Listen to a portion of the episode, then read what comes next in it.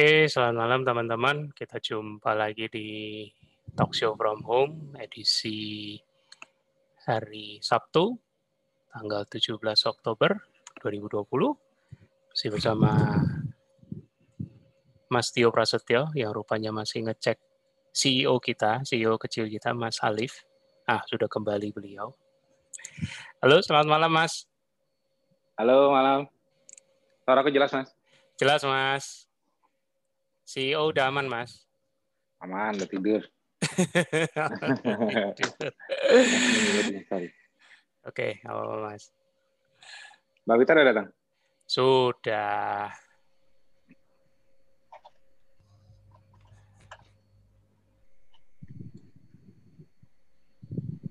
Oke, aku sekalian nyapa dengan Mbak Wita. Halo, selamat malam Mbak Wita. Malam Mas Budi. Ya, headsetnya baru nih. Baru lihat maksudnya. Minjem punya anak-anak. Wih, pantas gaul. Penting kalau kalau kalau kalau buat buat narasumber materi itu. Lah, hilang Mas Tio. Sinyal menghilang dia. Oke, kita sambil tunggu ya teman-teman. Mas Tio kembali bisa online. Ya, sepertinya hilang sinyal dia. Mbak Wita, sudah lama sejak terakhir Mbak Wita bisa ngisi seminar from home waktu itu ya. Ya, ya. Gimana nih? Ada ada cerita baru nggak setelah ini? Hmm, kemarin ya baru Ah. buka WA terus kan di WA tuh sama Tio gitu. Mbak ngisi ini dong. Ini TFH. Tuh kan aku udah masalah akhir bosen tuh orang-orang lihat. Bosen.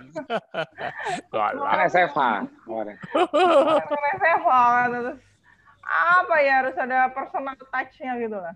Iya. personal touch aku nanya apa personal touch apaan itu ya udahlah Pengalaman pribadinya kalau kemarin kan ilmunya kemarin. Kalau sekarang pengalamannya. Kalau kita di ini kan kepoin nakes.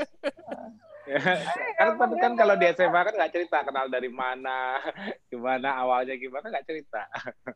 justru justru justru kalau ilmu semua orang memang belajar contohnya kayak video tadi. Tapi kalau pengalaman juga orang bisa belajar kendala-kendalanya dan sebagainya, apa yang dilalui. Dan nanti ini ini ada surprise nih, Mbak apa? Mbak Wita hari ini mau cerita mengenai pregnancy juga nih dia dengan KF pregnancy dan KF. Nah itu dia kan kemarin kan kan nggak ada di di SFH dia kan materinya beda kemarin. Ini kok ini mas Tio mulai ngode-ngode Mbak Lina gitu dah Ah, balik. dia aja yang belum mau. Ngode keras. Udah keras. Aku nggak ikut-ikut ya. iya makanya aku kayak kantung-kantung "Hah? apa ini aku udah udah panik aja. Ini apa nanti? Glukosa 6 fosfat pentus fosfat eh, iya. udah panik eh itu, pregnancy itu, itu, itu, itu, itu biar di grup metabolik aja. Dari sini aku Iya, iya. santai aja. Kalau perlu nanti aku jelasin. Ya, ya, sudah ice Kali kali ini maksudnya Mbak Wita kali ini pamperin Mas Tio. Jadi Peter-Peternya Mbak Wita ngomporin Mas Tio aja jelasin. Ah, iya. Nanti aku Mas Tio milih pregnancy Mas Tio loh yang milih. Mas Tio sendiri yang pilih. nanti aku bagian yang tahu-tahu mute aja hilang. Oke, kita mulai ya. silakan Mas, silakan Mas. Oke, terima kasih semua yang udah hadir. Ada berapa kita hari ini, Mas? Ah, Udah 75 Mas. 75. Wah, udah cepet. Hmm, Nanti lagi pas hmm. nambah. Nanti aku juga ingetin di grup eh, supaya pada itu ikut masuk yang di metabolik. Jadi eh, hari ini tamu kita Mbak Wita sebelumnya pernah mengisi SFH juga waktu itu.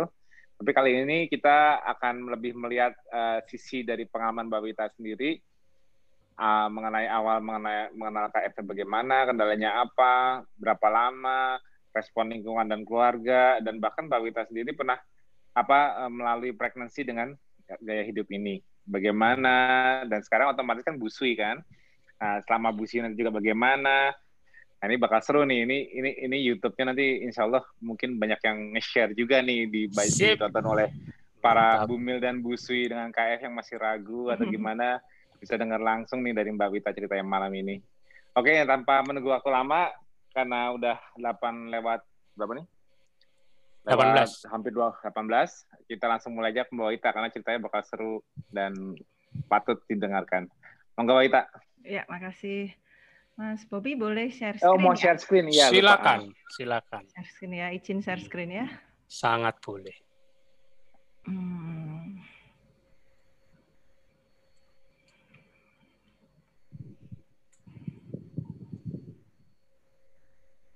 Uh, ya, jadi aku share screen sedikit. Eh, tadi udah ada peringatan nggak boleh bikin EMC kuadrat, oke? Okay? Promise, I won't. Di kontrol L mbak. ya oke. Okay. Full screen. Oh kontrol L. Sorry iya. sorry. Adobe-nya, Adobe-nya. Atau yang di 100% kan gini ya kali ya. Di Sorry, sorry, sebentar. Iya, it's okay. Santai aja. Jadi gini. Kontrol L sih pasti dapat. Nah, di, kontrol L aja? Iya, kontrol okay. L aja. Kontrol L. Ya. Oke. Okay. Jadi uh, setelah lu jadi setelah KF ya, KF-nya tiga tahun, kemudian kan uh, hamil ya, waktu hamil uh, tekanannya itu meningkat gitu ya. Jadi kan kita kan ada ada tekanan untuk tidak boleh melakukan sesuatu yang mungkin berbahaya atau gimana lah, gimana lah gitu lah. Mungkin saya mengambil apa ya, mengambil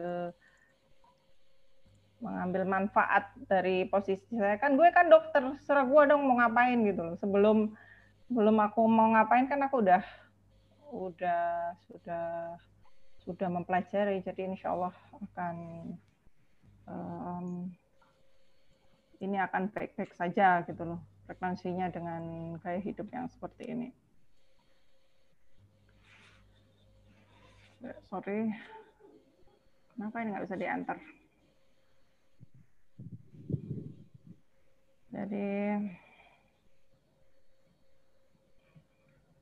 ini sebenarnya ya aku pengen share aja sama ibu-ibu hamil karena selama ini tuh kita tuh ngelihat ibu hamil tuh kan banyak komplikasi ya. Angka kematian ibu di Indonesia tuh termasuk yang tertinggi di Asia. Jadi kita kan maunya menekan angka kematian ibu. Jadi di dunia medis ini kita ini paham kok wanita hamil dan anak-anak ini dimuliakan gitu loh. Jadi kita pengennya tuh para ibu ini merasa pede ya dengan dengan kehamilan ini. Hmm. Setuju.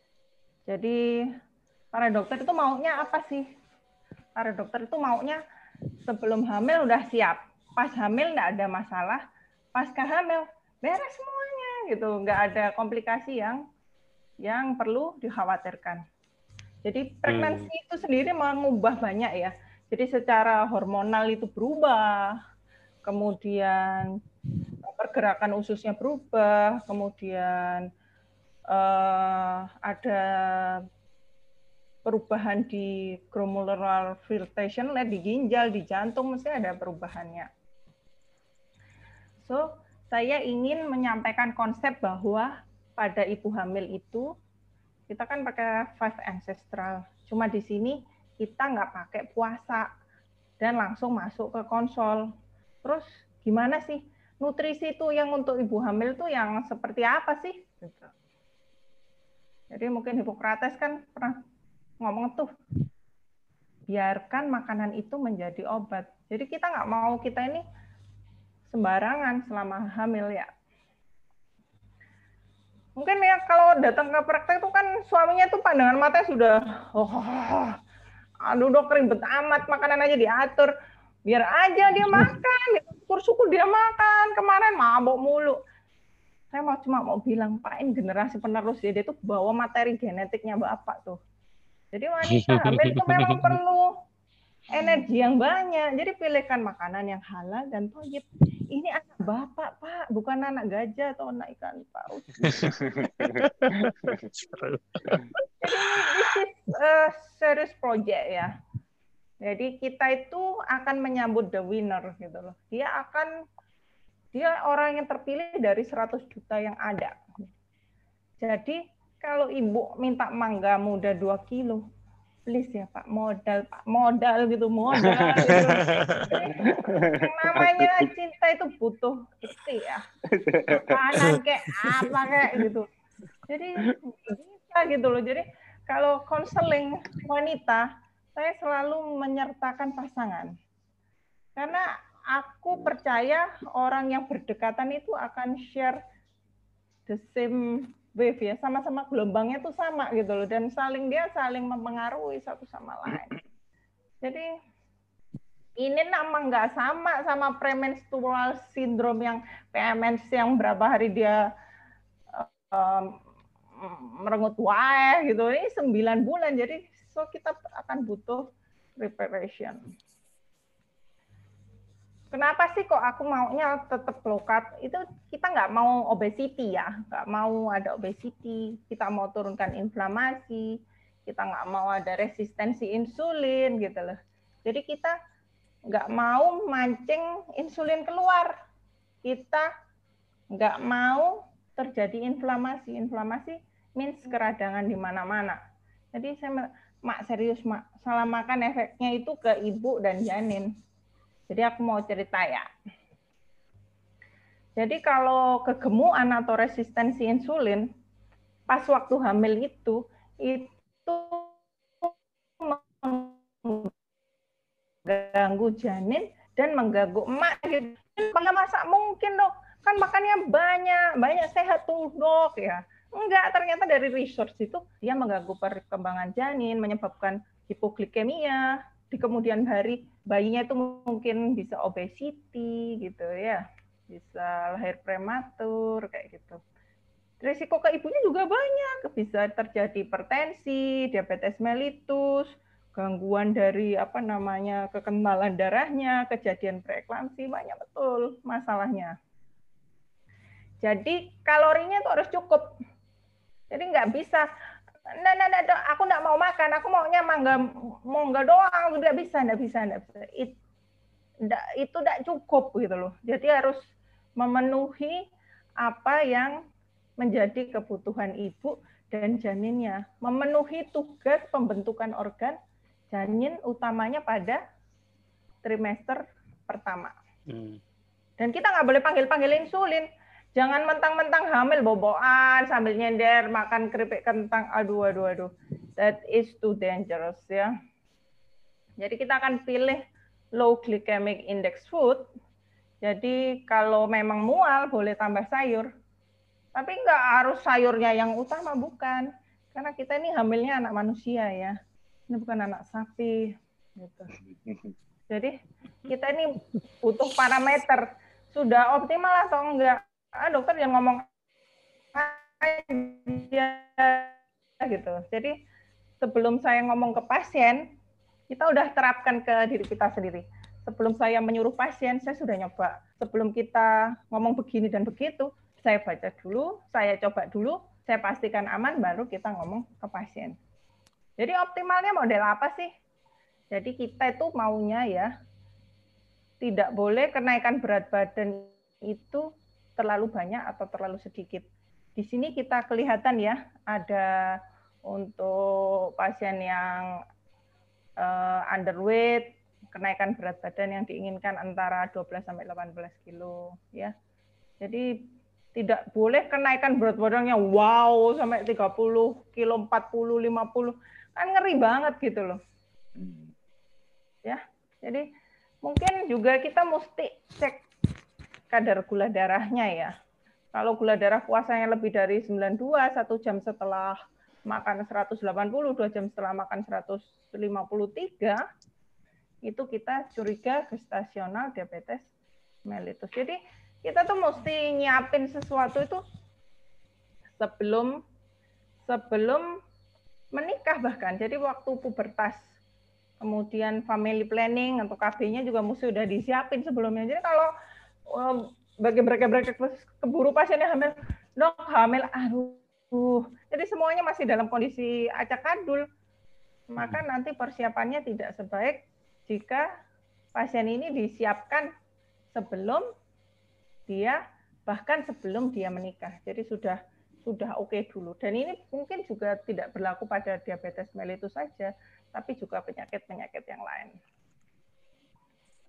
Kemudian uh, tidur nih penting banget karena kalau dia hamil kan ada gangguan tidur, simpatik nervous sistemnya aktif, agak susah tidur gitu. Jadi mesti mesti diusahakan punya tidur yang berkualitas supaya stresnya turun, sel-sel tubuh itu membuang racun yang berbahaya kayak gitu-gitu. Jadi it helps a lot gitu loh. Pada trimester ketiga itu kan terasa nyeri-nyeri sendi segala macam itu akan membaik jika istirahatnya cukup. Jadi kita butuh istirahat itu di malam hari itu kita didukung sekresi melatonin. Kalau pagi hari kita beraktivitas dengan baik didukung hormon kortisol. Jadi kalau kurang tidur mesti ada gangguan metabolik, kardiovaskular, overstimulasi saraf simpatis, gangguan hormonal, dan inflamasi. Dan make it double pada wanita hamil. Kalau orang biasa aja kayak gini, kalau orang hamil, dia kelemahan dalam kelemahan. Jadi mesti diberi tidur yang benar-benar berkualitas. Kemudian aktivitas fisiknya itu mesti oke okay, karena exercise secara umum dia menambah massa otot dan meningkatkan jumlah mitokondria. Jadi stay aktif itu penting. Jadi ini selain ya supaya badan kita fit, awet muda. Ini persiapan untuk nanti melahirkan dan nanti pada saat menyusui. Kemudian stres ya, mesti dikendalikan. Saya kasih gambar laki aja, saya nggak mau yang perempuan yang stres. Jadi laki aja. Biar yang orang-orang laki itu aja. Jadi stres akut itu kan mengganggu sistem imun seluler. Nah kalau stres kronik mengganggu sistem humoral dan seluler. Ini beneran, ini bukan gosip. Jadi kalau si bapak itu pagi-pagi ngegas aja, kita mudah terpapar virus. Oke, imun seluler. Hmm. Tapi kalau sudah stresnya kronik itu ajur mak ajur. Jadi tidak usah dipikir anak suami tetangga tante kenalan rumput depan rumah ya elah nggak usah. Jadi itu namanya paripurna ajurnya kalau stresnya kronik. So buang jauh-jauh. Tidak boleh stres pada ibu hamil. Oke? Okay? Kemudian kontrol teratur. It helps ya, benar-benar kita kontrol teratur tuh ngapain sih sebenarnya? Jadi ya dicek berat badannya, tensinya, kemudian kita tuh dicek hemoglobinnya, kadar gula darah, fungsi hati, fungsi ginjal. Beneran ya, waktu saya hamil, walaupun saya dokter ya, saya juga kontrol gitu, nggak kayak ah mana gue dokterin sendiri, enggak juga gitu. Jadi nanti kita tuh mau planning ya, lahirannya di mana, preference-nya, bakalan nanti di planning untuk normal atau seksual. Nanti rawat gabung nggak sama babynya? Inisiasi menyusui dini nggak? Kemudian ASI eksklusif nggak? Jadi kita mau mau mempersiapkan banyak ya di sini. Jadi mungkin itu paparan saya singkat apa yang sudah saya jalani. Jadi waktu membuat slide ini saya teringat Dokter Asri, Al-Fatihah hmm. Dokter Asri. Semoga amal ibadah beliau diterima oleh Allah Subhanahu wa taala. Amin. Dan itu aja singkat aja.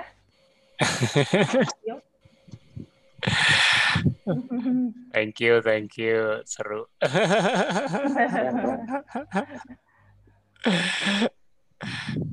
ini bagus, ini bagus, ini kayaknya satu aliran, tapi memang ada AMC kuadrat, satu aliran sama Mbak Uwi ini.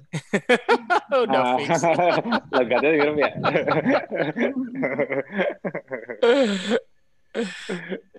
tapi keren tuh kalau pregnancy memang kayak gitu. Memang emang emang uh, kontrol stres itu penting di bumil dan busui. Makanya kebanyakan busui itu kalau stresnya berlebih, asinya nggak bagus. Tapi pada saat masa awal uh, adaptasi ketosis, memang kadang-kadang di busi ada yang oh dia baru busi terus dia ikut ikut KF baru mulai saat itu juga memang nggak bisa di nggak bisa di apa hindari kan transisi masuk ketosis itu kan ialah memberikan stres di tubuh. Sama seperti gini aku nggak pernah olahraga. Nah sekarang aku baru mau start olahraga.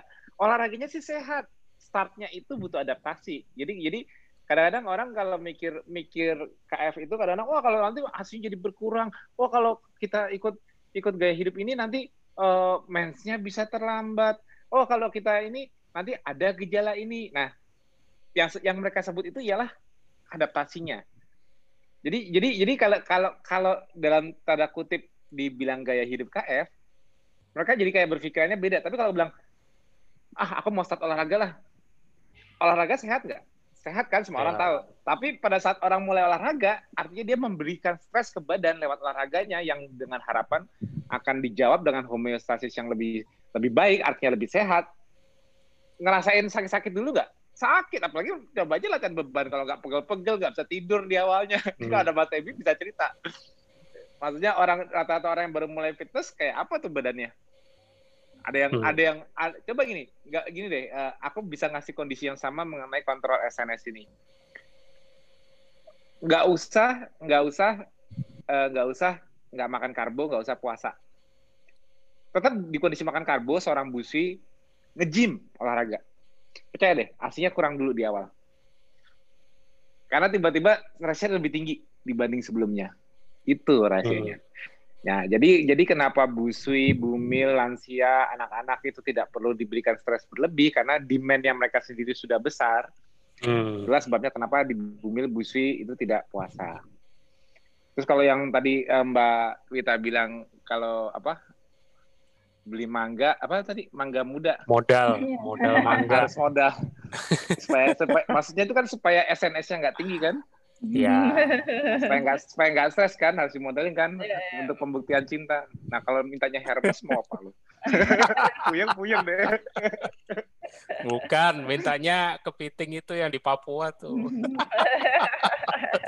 mintanya Gucci sama Hermes. Ampun deh gua. Kan rata-rata pengennya ngidam mas, sesuatu yang bisa dimakan gitu kan. Nah, kalau iya, yang jauh-jauh gitu kan, misalnya, misalnya yang maunya ayam jadi, pangkep, jadi, ya kan, jadi ekstrim satu. Butuh perjuangan. Kayaknya para laki-laki nggak berani bersuara malam ini kecuali kita berdua nih mas. takut takut takut takut takut ntar pada ngidam.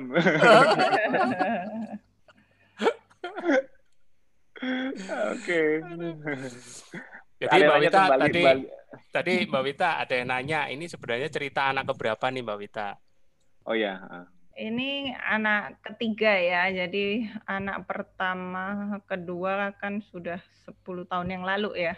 Hmm. Terus ini setelah apa tiga tahun KF terus ini hamil ini jadi waktu melahirkan umur 40 ya 40 wow udah aja tuh udah mematahkan mitos tuh umur tidak menghalangi ya. Dulu dulu mitosnya batasnya 30 kan udah bahaya. Pada kejar target di bawah 30. Dahsyat. ya kan. Jadi ya tidak usah ada kekhawatiran ya kan bagi yang masih di program Bumil dan ya program Bumil ya. Usui, nah, Usui udah pasti ya kan. Jadi jangan pernah ragu sama mitos-mitos seperti itu. Tapi kalau kalau ASI ASI dengan dengan dengan dengan makan pola sekarang ada gangguan nggak, Mbak? Sebenarnya yang paling mengganggu sekali itu stres ya, itu gangguan banget gitu. Ya. Stres ya. itu yang paling berat buat aku kan gangguan tidur ya, karena dia kan hmm. bolak-balik bangun ya malam itu, hmm. jadi hmm. benar-benar. Ya itulah Jadi itu, itu yang... kenapa kita harus ngikutin jam tidurnya dia. Teman susahnya kalau kerja. Mbak masih kerja? Masih masih iya, masih masih. Ya masih. Oh, jadi kalau kalau siang dia kan tidur dia. Iya. nah tapi di Mbak nggak tidur. Bener-bener manage ya gitu. Bener-bener udah. Ya, okay. Manage stresnya memang benar-benar harus banyak dukungan dari orang yang di sekitar ya, mungkin pasangan iya, segala macam. Saya kira juga kalau dibilang ah lu kenapa sih anu asi banget? gitu. Aku pikir juga kan ini kan yang terbaik makanan buat bayi. Bukannya aku ngasih asi itu pelit ya. Ngasih asi bisa jadi lebih mahal loh daripada susu formula. Soalnya kan Oh, kalau iya. BT kan tiba-tiba aku maunya kambing dibeliin sekarang yang ada di jalan ini sekarang Sekarang ya itu loh. kan mesti sekarang aku mau ya, aku maunya langsung tuh. Iya, apa ini kok rasanya jadi rewel banget gitu. Daripada kamu anaknya kan juga dia ya supaya tidak mudah sakit juga ya. Supaya dia secara nutrisi dan secara imunologi mendapatkan yang terbaik. Kan kita maunya yang terbaik ya dengan segala Betul. cara. Segala cara ya nggak boleh nggak boleh kurang pede, kudu pede gitu loh aku nih bisa ngasih asi bisa bisa gitu segala macam terus browsing power pumping cluster pumping jadi benar-benar itu menguras waktu ya jadi setiap setiap 10 menit itu pumping kan ngantuk gitu Hmm. Hmm. Hmm. Berarti kalau Sabtu Minggu pas gak kerja dibalas buat tidur dong. Eh, iya tidur Ya kan kalau Senin kalau misalnya eh, jadwalnya Senin Jumat kerja, kalau Sabtu Minggunya berarti itu dong apa dibalas tidur. Makanya kita harus benar-benar curi-curi curi waktu kalau punya busui. Jadi busui itu susahnya kayak gitu. Hmm. kadang-kadang anak bayinya tidurnya itu malam makanya aku sering banyak bus masalahnya kalau aku lihat makanya aku koreksinya tidurnya gimana. Dan sama kayak mbak rata-rata mereka busi di KF rata-rata masalahnya tidur semua. Iya. busu ya. Nah, ya gimana mas? Oh. oh. anak saya kalau malam bangun gini-gini. Dah kalau siang apa ngapain? Nah aku bisa ngasih saran bukan yang kerja. Yang nggak kerja kebanyakan jawab. Aku sih memang rata-rata ibu rumah tangga. Nah makanya mereka gampang aku ituin. Maksudnya ya udah kamu ikutin aja babynya tidur. Nah yang susah ini yang kalau kerja ini. Jadi ya ya duniawi sih ya susah ya aku juga bingung ya eh, harus gimana manage bayar utang tidurnya karena susah karena ujung-ujungnya mereka pikir padahal saya kadang-kadang gini loh makan mereka padahal udah bagus tapi begitu mereka stres tinggi asinya tetap berkurang Hmm. itu stres ya ya ya, dominan. pengalaman ya, pengalaman. Ah. Pengalaman kan eh, aku tuh punya jam keramat gitu untuk tidur. Jadi yang pada jam itu dengan tidur yang sedikit tuh punya higher impact. gitu kan. Ah, ah, itu itu itu se- setelah sholat isya itu. Setelah sholat isya itu aku tidur. Nanti kan dia punya kebiasaan jam 10 sama jam 12 malam bangun. Jadi setelah sholat isya sampai jam 10 itu itu jam keramat. Jadi di jam itu kalau aku bisa tidur sampai jam 10 malam, itu aku itu besok puas pagi, ya Sudah. besok pagi itu udah aku eh, nggak peduli gitu. Kadang-kadang kalau dia babynya lagi anteng banget gitu, dia baru bangun jam 12, nah itu namanya bonus. bonus nah, betul ikut tidur benar benar Iya benar, kan benar. mungkin udah Emang- mulai gede kan dia udah mulai makan ya, jadi mungkin asinya dia nggak sekencang waktu newborn ya. ya Tapi ya, betul Beratnya Hmm. waktu newborn aja sih. Hmm. Ya, itu fase-fase awal itu memang pas cubuan itu kita yang yang mesti PR banget tuh tidur itu. Aku juga kadang-kadang kalau ngasih ngasih nasihat juga bingung kalau di Japrian kalau udah dihadapin masalah ini tidurnya para busu ini susah. Kalau Bumil malah lebih gampang Bumil. Bumil mah udah udah nggak ada udah nggak bisa udah PR udah tidur. Bumil mah nggak usah stres apa-apa kalau Bumil pregnancy itu ya udah pokoknya makan terus lapar makan lapar makan hibernasi aja. Ya tapi juga juga jangan terlalu sedentari. Ya kalau pagi jalan pagi gitu apa malah kalau ada olahraga kecil malah mening- juga meningkatkan selera makan mereka kalau di bumil. Itu maksudnya bukan olahraga dengan intensitas tinggi. Itu kayak gitu Hmm. kalau bumil. Hmm. cuman kalau bumil eh, yang kalau bumil sampai masalah tidur itu nggak bagus banget. Tapi kayak sih hampir jarang ya. Yang masalah tidurnya aku sering ketemu di Japrianku tuh paling sering busui. Kalau bumil tuh rata-rata sih tidur oke lah. Hmm.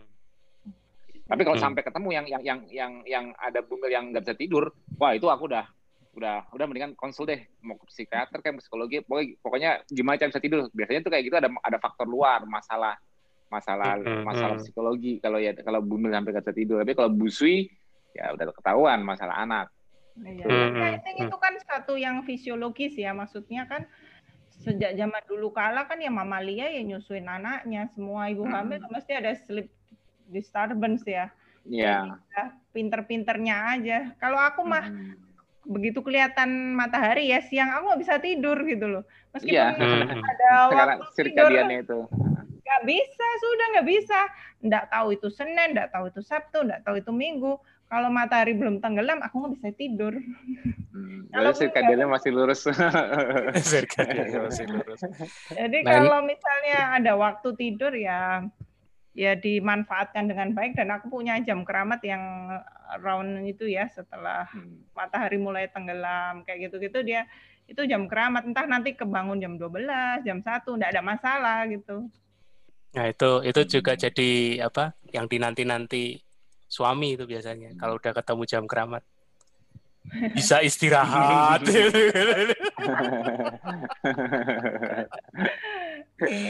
Kalau misalnya nggak bisa tidur, nggak bisa merem, at least baring gitu, itu it helps Ah, ya. Aku pikir iya. kan ya ini juga nggak bisa tidur kan, kadang kan juga nggak ada pikiran apa-apa. Bahkan Iya. yang aku butuhkan kan istirahat ya. Aku pikir it helps a lot. Ini kayaknya lagi eh, seru juga nih ngomongin tidur ya kan. Eh, karena di zaman sekarang ini kan memang problematika tidur itu cukup menonjol lagi. Karena apa? Satu tuntutan, kemudian jam sirkadian yang sudah kacau balau, ya kan? Jadi eh, apakah itu tuntutan kerjaan atau apa pun, banyak yang eh, sudah sudah tanpa sadar menjadi manusia malam. Jadi rata-rata tidur itu baru bisa subuh, itu pun karena sudah mungkin karena sudah kecapean, tapi dipaksa tidur tengah malam pun susah. Dan mereka cukup stres waktu jalanin KF ini, ya kan? Eh, ada itu busui, ada juga yang yang bukan busui, tapi juga cukup stres begitu dengar. Kalau bisa 6 sampai 8 jam. Nah, itu. Jadi kadang-kadang banyak pertanyaan. Maksudnya gini lebih lebih dasarnya kekhawatiran sih. Lah kalau terus-terusan terus gimana? Nanti nanti malah tambah ndak beres-beres ibaratnya gitu. Nah, mungkin Mbak Wita bisa berbagi tips buat mereka-mereka yang start start kondisinya itu memang sudah susah tidur atau tidurnya itu satu hari paling cuma 2-3 jam kadang-kadang itu. Itu supaya mereka menjalani KF ini atau lo, keperubahan lo, le- pola hidup ini supaya lebih enjoy dan tidak gampang stres. Silakan dok. Anyhow ya, seperti aktivitas yang lain, tidur ini suatu yang eh, kita persiapkan ya sebelum tidur. Ada beberapa ritual yang mesti kita apa namanya, mesti kita pahami sebelum Hmm. tidur, yaitu satu kita mesti niat ini tuh hak tubuh kita untuk eh, take a rest gitu, untuk beristirahat. Jadi dia punya hak untuk ditidurkan. Hmm. Nomor dua, kalau kita kerja mulu gitu, lama-lama yang rugi kita juga efek jangka panjangnya kesehatan yang mungkin terganggu ya. Hmm. Nomor tiga, mungkin mesti stay away dari gadget ya. Jadi Oh itu. gadget itu Itu juga satu sama Maharati itu. satu jam sebelum tidur itu sudah jauh-jauh gitu dari gadget. Misalnya kalau tenaga kesehatan ya Konakes kan mesti mesti apa standby ya 24 jam ada telepon. Kalau itu emergency mereka akan telepon. Jadi nggak usah pakai alasan mau ngecek WA kah, nanti lihat Facebook, nanti sebentar lagi Instagram, nggak usah. Jadi kalau emergency rumah sakit akan menelpon. Jadi Hmm. diletakkan jauh-jauh satu jam sebelum memang tidur. Ya. Hmm. Kemudian eh, at least sebelum tidur itu kita udah siap-siap dulu segala sesuatu yang emang itu mengganggu tidur itu kita beresin dulu. Misalnya, oh ya aku kok ingat ada belum melakukan ini dan itu yang harus tak selesaikan deadline-nya hari ini. Nah itu kudu beres semua. Jadi nggak ada sesuatu yang mengganggu acara tidur kita. Jadi tidur ini sama pentingnya dengan eh, aktivitas kita yang lain. Jadi sifatnya dia equal, equal dengan Hmm. exercise, equal dengan pekerjaan yang kita eh, yang kita apa namanya kita persiapkan dengan baik. Tidur pun itu equal. Exercise, makan yang baik segala macam itu equal dengan tidur. Jadi ya, Hmm. memang tidak boleh menyepelekan ritual Tidur. tidur itu boleh. karena memang Paling. benar-benar eh, dia itu nggak perlu bayar nggak perlu ngapa-ngapain diem aja majem aja susah amat tuh Makanya kan aku selalu bilang sleeping is healing.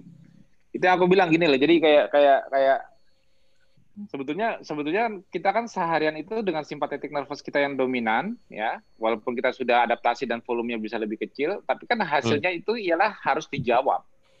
Hmm. Jadi semua semua apa pun usaha. Jadi kalau aku bilang kalau olahraga, olahraga itu kan orang dengar olahraga pasti bilangnya sehat deh. Betul. Nggak ada yang bilang olahraga nggak sehat.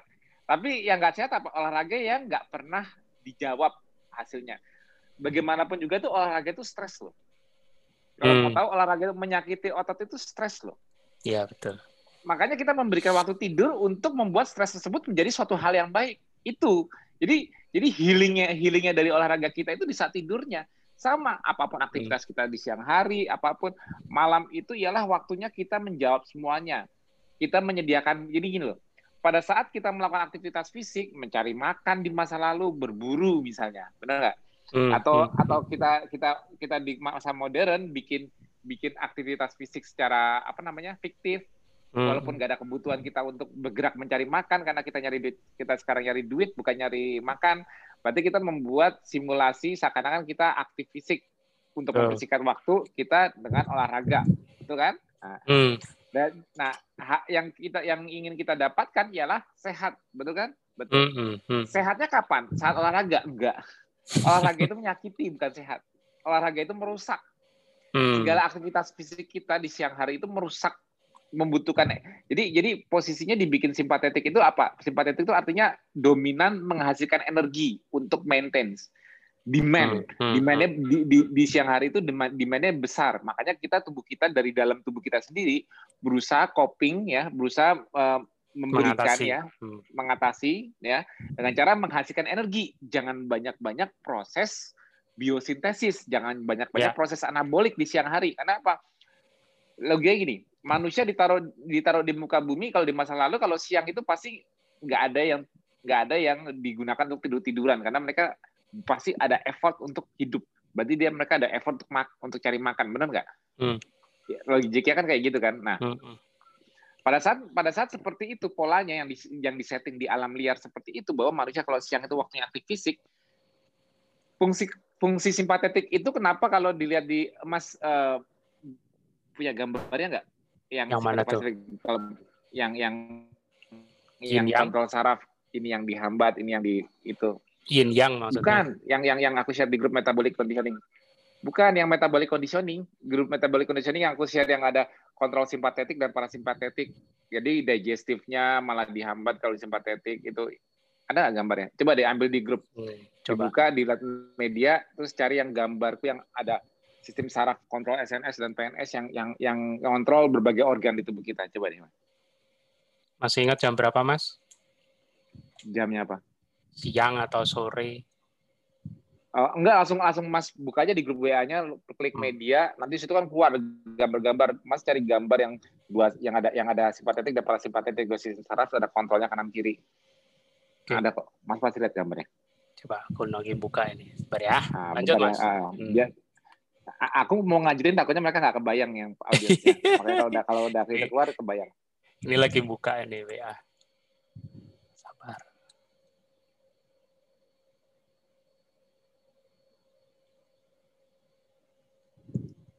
Oke, metabolic conditioning.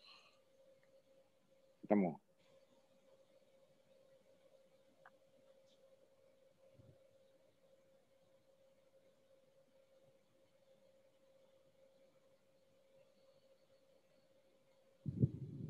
Ntar lagi buka gambarnya. nah di share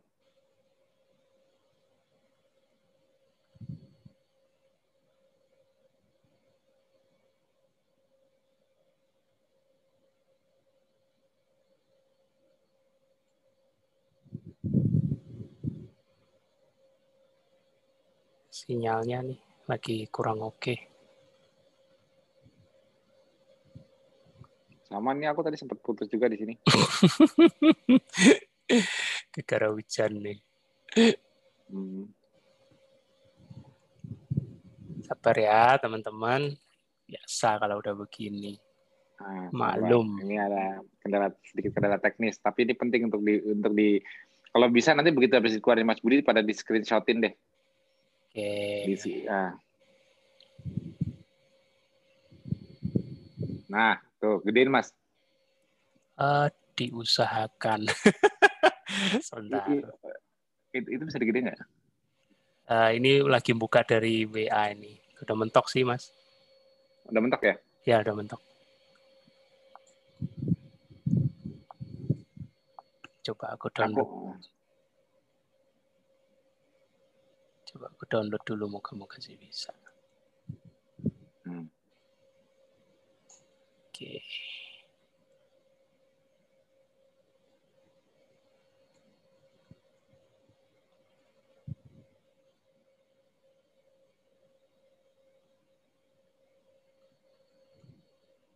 Jadi biar bisa pada paham juga tadi apa yang di yang dimaksud dengan Mbak Wita hey. itu SNS Pak ya.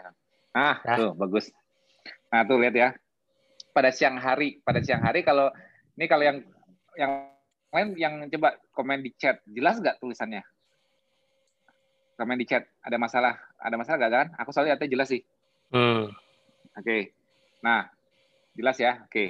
Itu simpatetik itu dominan dari pagi hari sampai sore hari, mulai menurun jam 3 sore lihat deh, lihat deh dari ciri-ciri fisiknya. Delayed papil. Jadi membuat kita lebih fo maksudnya kita lebih lebih fokus gitu enggak enggak ya. Pokoknya fokus bukan ngantuk ya. Hmm. Terus inhibit flow of saliva. Nah, udah semua semua sistem sistem kita untuk makan malah dihambat semua di simpatetik ini. Itu terjadi dari dominasinya dari pagi hari kita bangun sampai ke sore hari. Terus hmm. accelerate heartbeat. Nah, ini penting karena karena sifat simpatetik nervous system sifat-sifat stres ini, ini sebetulnya simpatetik itu stress system hubungannya hmm. dengan stress system jadi dia harus cepat heartbeatnya di accelerate kenapa karena butuh distribusi energi cepat nutrisi cepat misalnya gini contohnya lemak hmm. melepas melepas free fatty acidnya ke darah itu harus didistribusikan cepat suhu tubuh ke dan juga yang penting oksigen untuk gerakan-gerakan anaerobik yang dibutuhkan jadi supaya tidak supaya tidak banyak anaerobik kan oksigen sempurna karena kalau kalau oksigen kurang berarti kan kebutuhan glukos meningkat dong. Nah, hmm, dia. Hmm, Makanya hmm. distribusinya harus bagus. Terus sama dilate bronki, paru-parunya untuk untuk apa? Uh, mensupport sistem pernafasan oksigen. Hmm. Terus in, inhibit peristalsis dan secretion, maksudnya menghambat kemampuan sistem digestif kita untuk mencerna makanan dari dari mulai pergerakan peristaltik usus sampai pembuangannya, sekresinya, BAB-nya lah. Gitu loh. Itu malah dihambat di kontrol simpatetik yang dominan dari pagi sampai sore hari. Terus conversion of glycogen to glucose ini masih mengacu ke ke ke orang yang non ketosis artinya yang liver, yang glycogen delivernya masih ada berarti kalau siang hari itu kebutuhan gula dipenuhi oleh glycogenolisis. Nah, hmm, hmm.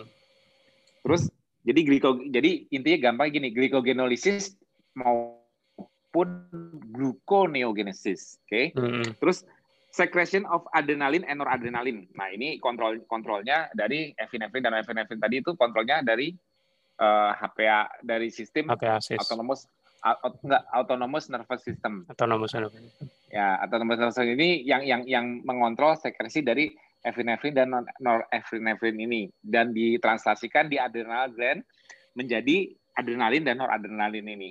Hmm.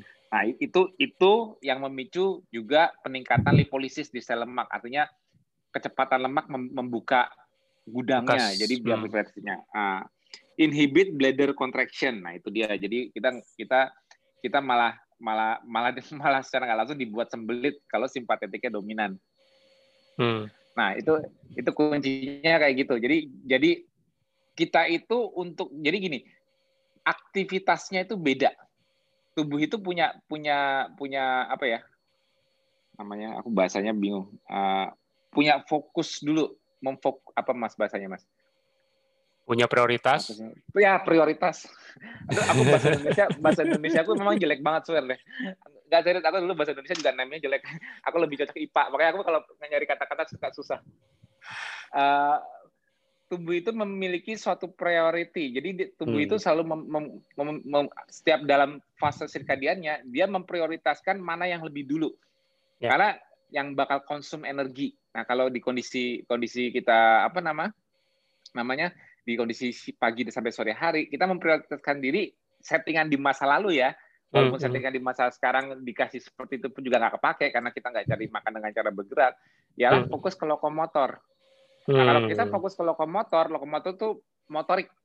Hmm. Berarti Gerak. berarti kita fokus ke ke ke otot apa Aktivitas. untuk bergerak lah, fokus hmm. semua gitu loh. Jadi organ-organ mendukung organ-organ yang mendukung fungsi lokomotor dan dan untuk untuk proses mencari makan ini didukung, simpatetik itu fokus di situ. Jadi fokusnya ialah menghasilkan energi, membuat uh, sel-sel di tubuh kita itu bisa mengakses energi dari body fat kita.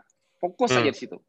Nah, di hmm. kondisi itu insul di kondisi itu kortisol dominan ya sebagai guidance-nya, hormon stresnya karena HP aksisnya dan juga uh, insulin rendah.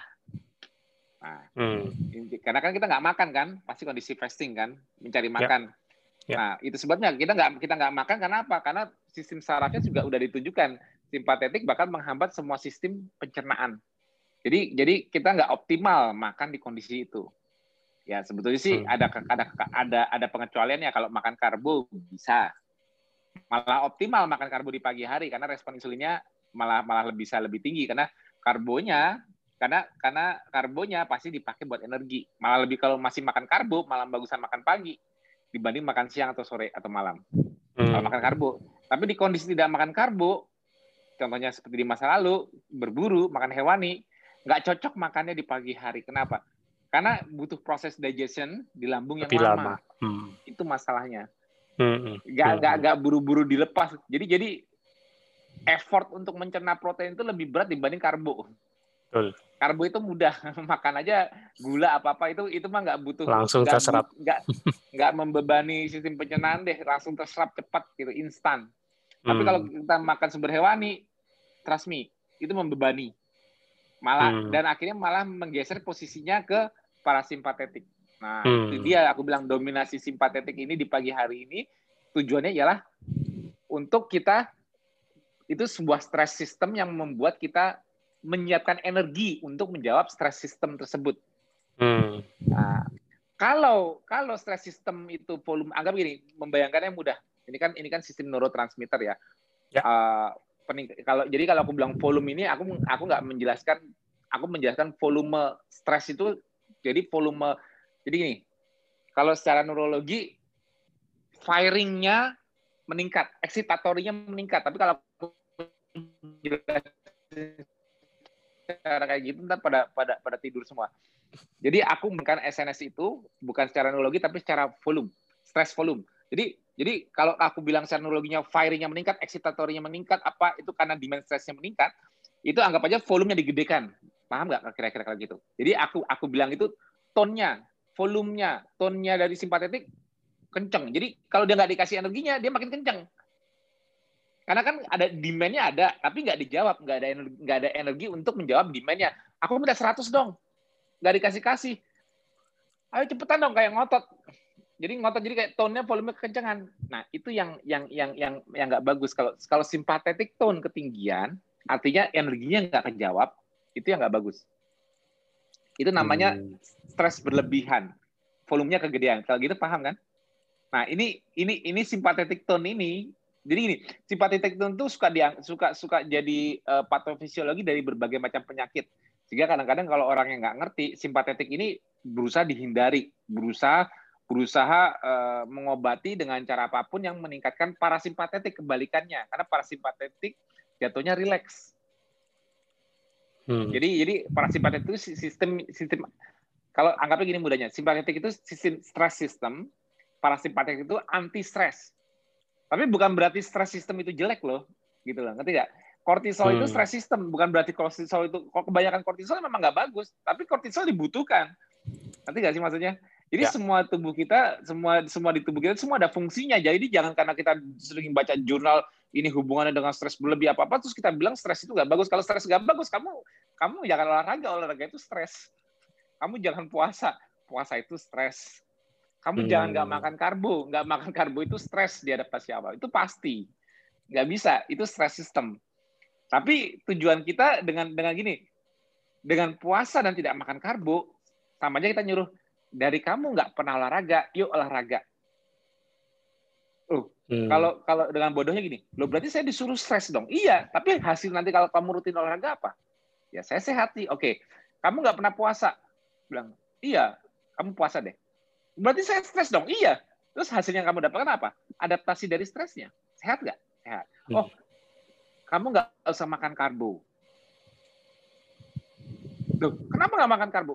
Kalau nggak makan karbo, saya stres dong. Nanti saya lemes dong. Gini, gini. Iya, tapi apa adaptasi yang kamu dapatkan nanti dari latihan itu, dari adaptasi itu? Lebih sehat. Ya, iya sih.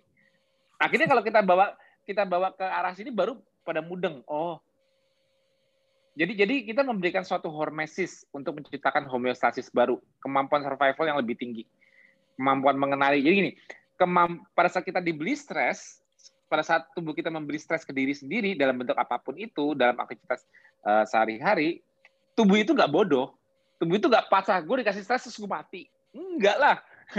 Bodoh banget spesies kita kalau kayak gitu, udah punah. Baru stres dikit, baru baru musim dingin dikit kita sudah pada tewas semua.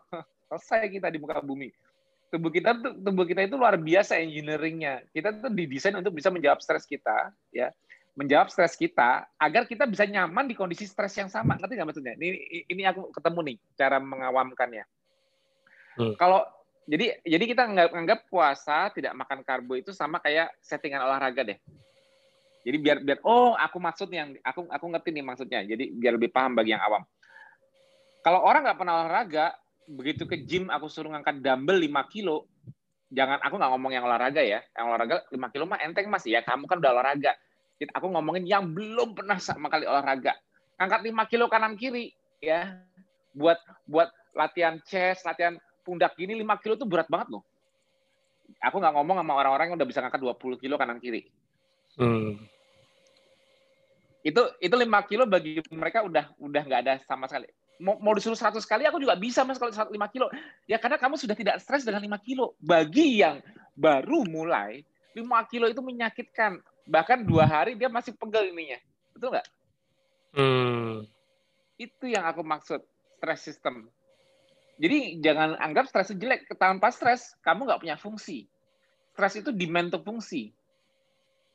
Hmm. Nah, ngerti nggak maksud yang aku maksud dengan stress system? Jadi kadang-kadang uh, kadang-kadang kalau yang kalau yang awam kadang-kadang suka mengkategorikan kalau stres dihindari nggak mau stres sama sekali. Ya udah kalau nggak mau stres sama sekali jangan jangan, jangan banyak ber, jangan banyak bergerak duduk di sofa pegang remote TV aja ngambil sebelahnya. Nggak pernah stres relax terus. Parasimpatetik terus yang jalan.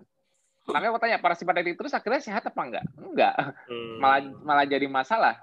Benar nggak? Hmm, ya hmm, masalah masalah masalah dominasi dari dari zaman modern saat ini ialah manusia terbiasa mengaktifkan parasimpatetiknya. Hmm. Yang sebelah kiri sini. Ini aku sambil ya. nunjuk layar yang itunya. Jadi manusia manusia itu mengejar kenyamanan, hedonik. Memang betul hedonik. Hedonik itu ialah mencari nyaman. Pengennya kalau ada makanan kenapa nggak makan? Karena sudah setelah makan mereka merasa rileks. Lebih jadi jadi stres. Jadi jadi sistem saraf anti stresnya dinyalain terus. Nanti nggak sih maksudnya? Hmm. Makanya ada juga yang namanya stress eating. Jadi kalau mereka stres, mereka ngejarnya nyari makanan, terutama yang high energy. Kenapa? Karena dengan harapan bisa menjawab kekurang. Kalau stres itu kan demand energy. Dengan hmm. makan gula tinggi, cepat serap, mereka berharap bisa menjawab kebutuhan energinya dengan cepat pula. Dan kalau berhasil, ya mereka turun stresnya. Lebih enteng. Makanya kalau orang stres, stresnya dalam bentuk psikologi, pikiran, yang dicari, yang dicari apa? Yang dicari yang cepat serap. Bohong kalau orang stres, makannya apa? Makan nasi merah. Aduh, aku stresnya aku pengen makan nasi merah, pakai sayur yang serat tinggi, terus makan buah-buahan tinggi serat yang nggak manis. Aku mau makan sehat kalau lagi stres. Bener nggak kayak gitu? Bohong. kalau kamu stres, kamu makan karbo cepat serat. Kue, es krim, coklat. Bener nggak sih? Jujur. Yang, ya, yang dicari, yang dihunting ialah cepat serap. Kenapa? Kamu butuh menurunkan stresnya Ya. Karena stres stresnya itu stres bioenergetik. Makanya kamu butuh hmm. menjawab cepat dan kamu nyaman dengan dulunya ya, nyaman dengan kondisi stres seperti itu langsung dinyamankan dengan makanan. Makanya hmm. ada yang stressful eating, makan terus karena dia stresnya nggak hilang-hilang. Nah, itu, itu itu itu itu salah satu cara mengaktifkan parasimpatetik dengan cepat itu seperti itu. Nah, tapi yang aku ajarin di sini bukan itu. Yang aku ajarin di dengan gaya hidup kita itu ialah aku jujur nggak, aku nggak bohong. Aku suruh puasa hmm. Di gaya hidup ini. Aku suruh puasa. Aku suruh walaupun gini, aku kalau setiap aku suruh puasa dan aku suruh tidak makan karbo, jangan jangan kayak menganggap dengan puasa dan nggak makan karbo aku langsung sehat itu obat. Nggak ada kayak gitu. Oh, hmm. begitu aku ikut KF, penyakitku langsung hilang di hari pertama dan kedua. Nggak ada, nggak ada bohong. ada malah ada lemesnya dulu. Malah pada saat pada saat orang pada saat orang nggak sarapan tuh baru pada kelihatan, Mas, uh, kamu dapat sejarah penyakit nggak? Nggak ada. Saya sehat selama ini. Begitu nyoba KF, begitu skip sarapan, muncul semua gejalanya. Lah itu mah, lah itu pusing, lah itu gemeter. Loh, ya ini gara-gara KF-nya. Kemarin-kemarin aku nggak gini. Gara-gara KF aku jadi mual. Gara-gara KF aja aku jadi gemeter. Gara-gara KF aku jadi keringat dingin. Kemarin-kemarin aku sehat, ini gara-gara KF. Kok gara-gara KF? Iya. Lah kemarin-kemarin kamu nggak nggak ada nggak ada. Tahu nggak kenapa? Kenapa? Karena kamu sarapan. Iya sih. Tapi kan sarapan normal. ya, ya memang itu karena saya nggak boleh masukkan nggak boleh sarapan ya jadi kayak gini deh saya sekarang. Jadi mual-mual deh. Jadi yeah. jadi jadi telur dan ayam duluan. Enggak enggak itu kan itu kan aku nyuruh puasa dan nggak makan karbo. Coba aku nyuruh gini. Udah Gi, udah kegemukan olahraga deh nge-gym yuk. Ayo nge-gym olahraga. Ya, begitu dia olahraga kan gini, besok berbesoknya dia mual-mual, pegel, nggak bisa tidur, badannya ah, pada sakit semua. Nyalain nggak? Lu sih nyuruh gue olahraga. Enggak. Gak ada yang berani, gak ada yang berani ngomong gitu tanpa kata olahraga itu memberikan sehatnya itu dianggap normal. Tapi kalau puasa dan tidak makan karbo itu memberikan sehatnya, itu masih masih banyak pertentangan. Bilang, ah nggak makan karbo yang bener aja, ah nggak sarapan yang benar aja. Itu itu nggak normal. Walaupun sebetulnya kita sama-sama menyuruh efeknya mendapatkan sehatnya seperti olahraga. Tapi kita kadang-kadang pertentangannya jadi lebih. Hmm, ini gara-gara hmm, gara-gara gue nggak makan karbo nih gue jadi kayak gini gara-gara gue puasa nih gue jadi kayak gini bergejala padahal itu apa mereka belum coping dengan stres akibat tidak makan karbo harusnya harusnya kalau kenapa orang kalau nggak kenapa orang kalau nggak makan karbo itu akhirnya mahnya hilang, penyakit-penyakitnya pada hilang apa? Karena stres-stres dulu sebelumnya dia yang dijawabnya selalu dengan dijawab dengan gula ataupun gula cepat dari karbo terserap dan sebagainya. Itu sekarang mereka berusaha memenuhinya dari sumber yang sudah ada di dalam tubuh sendiri, yaitu lemak di badan mereka sendiri. Betul nggak? Hmm. Hmm. Nah, syarat untuk bisa pakai lemak di badan sendiri itu yang membuat kita sehat. Hmm. Syarat untuk respirasi sel optimal menggunakan lemak itu sulit. Syaratnya cuma hmm. satu, mitokondrianya harus bagus dulu, itu dulu. Karena hmm. generator sel paling utama di seluruh tubuh itu ialah mitokondria. Bakar gula mah gampang. Bakar gula hmm. itu gampang, bakar lemak yang susah. Serius, hmm. bakar gula itu gampang, bakar lemak yang susah. Makanya gula itu fast fuel. Kalau bakar lemak, syaratnya sel-sel mitokondria bagus dulu. Hmm. Enggak. Jadi kalau mitokondria pada padahal root root dari berbagai chronic disease saat ini ya mitokondria itu. Betul. Gitu loh. Jadi jadi begitu begitu kita udah nyaman di jendela puasa, udah nggak gampang lapar, udah bisa menunda menunda lapar, menunda makan tuh mudah, kok nggak makan apa-apa tapi badannya seger banget, itu sudah merupakan ciri-ciri perbaikan mitokondria. Artinya apa? Artinya pada saat kita tidak makan apa-apa, kita sudah mudah mengakses apa yang ada di dalam tubuh kita. Nah, yang ada di dalam tubuh kamu apa yang banyak? Gula apa lemak? Hmm, Kalau betul. kamu puasa, tidak makan apa-apa, kamu seger, mungkin nggak kamu pakai gula? Enggak dong. Hmm, hmm. Kalau kamu, wah aku puasa seger nih, kenapa? Karena otot-ototku bisa pakai gula. Gula dari mana? Gula buatan liver. Nggak mungkin lah kalau liver harus buat gula banyak untuk memenuhi semua kebutuhan energi di tubuh saat puasa, berarti dia itu ambilnya dari otot. Malah ototnya jadi hancur. Nggak mungkin seger di jendela puasa, nggak mungkin malah aktif fisik, nggak mungkin. Hmm. Kalau kamu seger di jendela puasa, sudah pasti kamu sudah mengakses lemak. Di pinggang, perut, pipi, paha, dan sebagainya. Itu bisa diakses. Ototnya hmm. malah dikasih energinya, bukan dikorbankan. Kebalikannya. Artinya mitokondria di otot-ototnya juga sudah mengakses lemak, bisa mengakses lemak. Artinya kembali respirasi di sel-sel otot sudah bagus karena bisa pakai lemak. Artinya kembali mitokondria sebagai organel untuk respirasi menghasilkan energi di, di setiap sel tubuh sudah membaik. Itu ciri-cirinya. Nanti nggak yang aku maksud? Nah, kalau kamu sudah bisa menjawab stres, aku bilang ini, permintaan atau stres bioenergetik ini, kamu sudah bisa menjawab dengan cara mengakses lemakmu sendiri, dengan cara memperbaiki mitokondriamu dulu sebelumnya dalam prosesnya, sehingga kamu bisa bisa segar akhirnya di jendela puasa, itu yang menurunkan volume SNS-nya. Hmm. Tanpa, tanpa perlu dibantu oleh gini gini.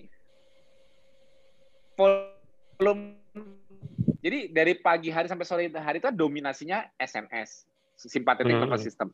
Tapi kalau kalau stresnya itu tinggi, volumenya lebih gede dong. Sama-sama dominan SNS, tapi volumenya lebih besar. Hmm. Yang kelihatan apanya? Gula darahnya itu karena kortisolnya jadi lebih tinggi. Karena hmm. karena yang menyeberangkan autonomous nervous system terutama SNS ya. Terutama SNS sympathetic nervous system ke HPA axis itu ialah lewat stress system, sekresi ACTH dari hipotalamus ke pituitari langsung ke apa adrenal gland langsung buat kortisol. Hmm. Kortisolnya modulasi gluconeogenesis di liver, gulanya buatnya jadi lebih. Nah, hmm. jadi untuk menurunkan kortisol, menurunkan stres, ya energinya harus bisa mendapatkan yang ketiga. Ini aku ngomong bukan ngomongin lagi ini ini kategori stres yang berbeda ya, walaupun walaupun impact stres psikologi sama, tapi ini jangan di, jangan disambungkan ke pikiran dulu. Ngomongin psikologi lain waktu lagi aja.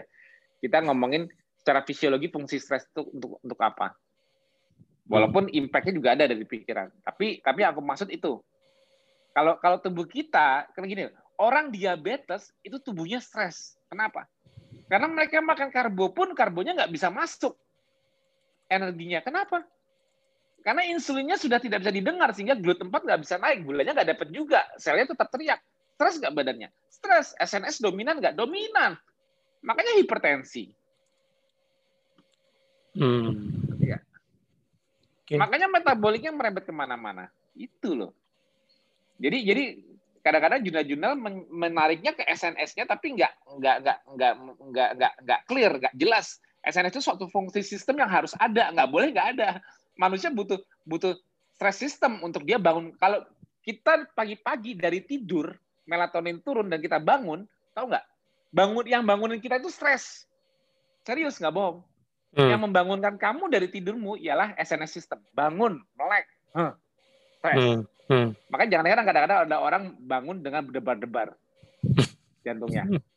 ya, itu karena karena berlebihan. Itu enggak serius Mas, yang iya, membangun ya, kita itu stress system. Yang betul. membangun kita stress system. Kalau kita nggak ada stress system, ya kita parasimpatetik ya kita tidur terus sampai membangunin kita. Makanya stress system itu mempersiapkan manusia di pagi hari untuk menghadapi hari tanpa kepastian. Hmm. Hmm. Jadi jadi kortisol sistem itu seperti seperti memberikan manusia itu preparation untuk menghadapi hari tanpa kepastian kapan dia bisa kembali mendapatkan makanannya untuk dimakan. Itulah fungsi simpatetik yang menggait manusia untuk fight lewat lokomotornya, untuk mencari makan, ya, untuk mencari makan, dengan lokomotornya dengan memprioritaskan ke lokomotor bukan ke digestion.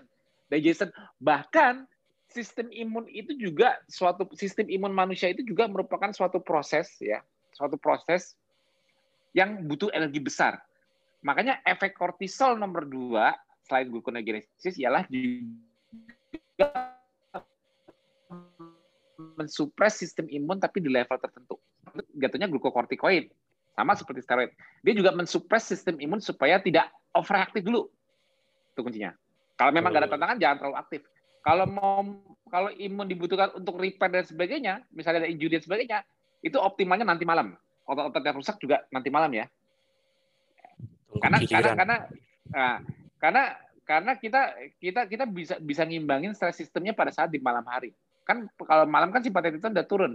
Jadi kalau imun mau imun yang kerjanya lewat inflamatory respon pun menaikkan uh, simpatetik pun juga tone yang dinaikin da dari threshold yang sudah turun dulu sebelumnya ngerti nggak sih maksudnya?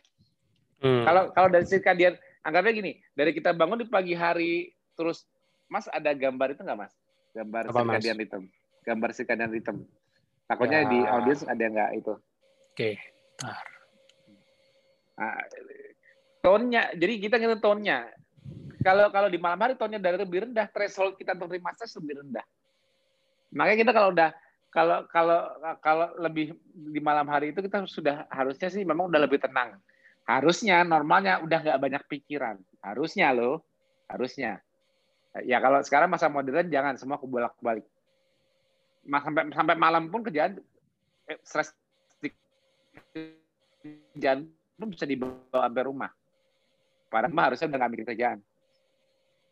Karena kita udah udah mempersiapkan diri untuk tidur, tapi stres orang kadang-kadang dilanjutkan sampai sampai sampai di kondisi uh, harusnya dia sudah mulai embrace merangkul parasimpatetiknya mempersiapkan diri untuk tenang sampai tidur. Rest and digest. Habis makan, tidur jangan banyak pikiran. Tapi ya realnya nggak seperti itu di masa kini ya. Itu masalah duniawi, aku nggak bisa ngatur. Harus bisa solve problemnya sendiri-sendiri. Tapi kalau mau benar-benar kita ngikutin fine tuning cara hidupnya yang sudah didesain oleh fisiologi tubuh, lihat circadian ritmenya. Alihkan stresnya untuk lokomotor, jangan kepikiran. Karena desain stres awal, desain stres sistem awalnya itu bukan untuk orang stres, itu desain awalnya untuk manusia. Tapi kebanyakan alokasinya sekarang dipakai di sini kalau di masa kini. Karena kita sudah mencari makannya sudah tidak pakai otot, tapi pakai ini. Itulah yang membuat stress sistemnya dominan di sini, yang bawah sedentari. Makanya metabolic syndrome itu udah jangan ditanya karena konsepnya konsep metabolic syndrome lagi ya, ya modernisasi. Serius teknologi modernisasi. Karena desain kita karena desain manusia yang sekarang ini ada dari lahir sama masih sama kayak jutaan tahun lalu. Desainnya untuk di alam liar. Bukan desain untuk di alam perkotaan. Desainnya manusia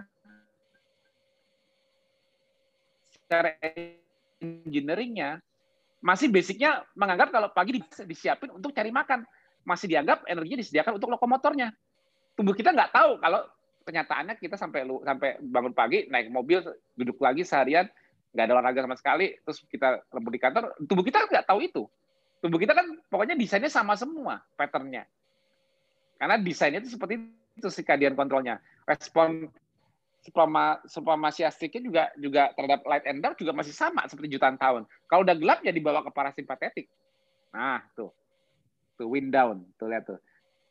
Dari mulai uh, apa tuh aku nggak kebaca mas yang sebelah paling ujung uh, apa tuh accelerating, accelerating activity, activity, decelerating activity, wind, wind down. down. Nah, itu udah mulai turun tuh apa tuh? Physical regain. Oh, eh physical ah physical repair. Physical repair. Ah, terus sebelahnya lagi? Psychological repair. Nah, tuh catat.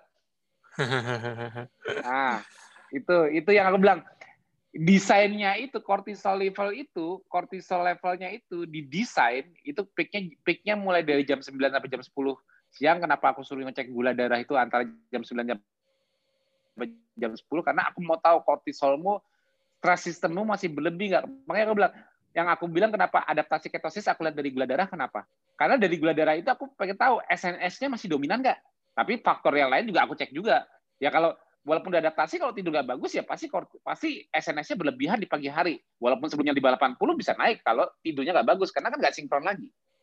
Ada ada stres yang berlebih yang diangkat dari threshold di bawahnya.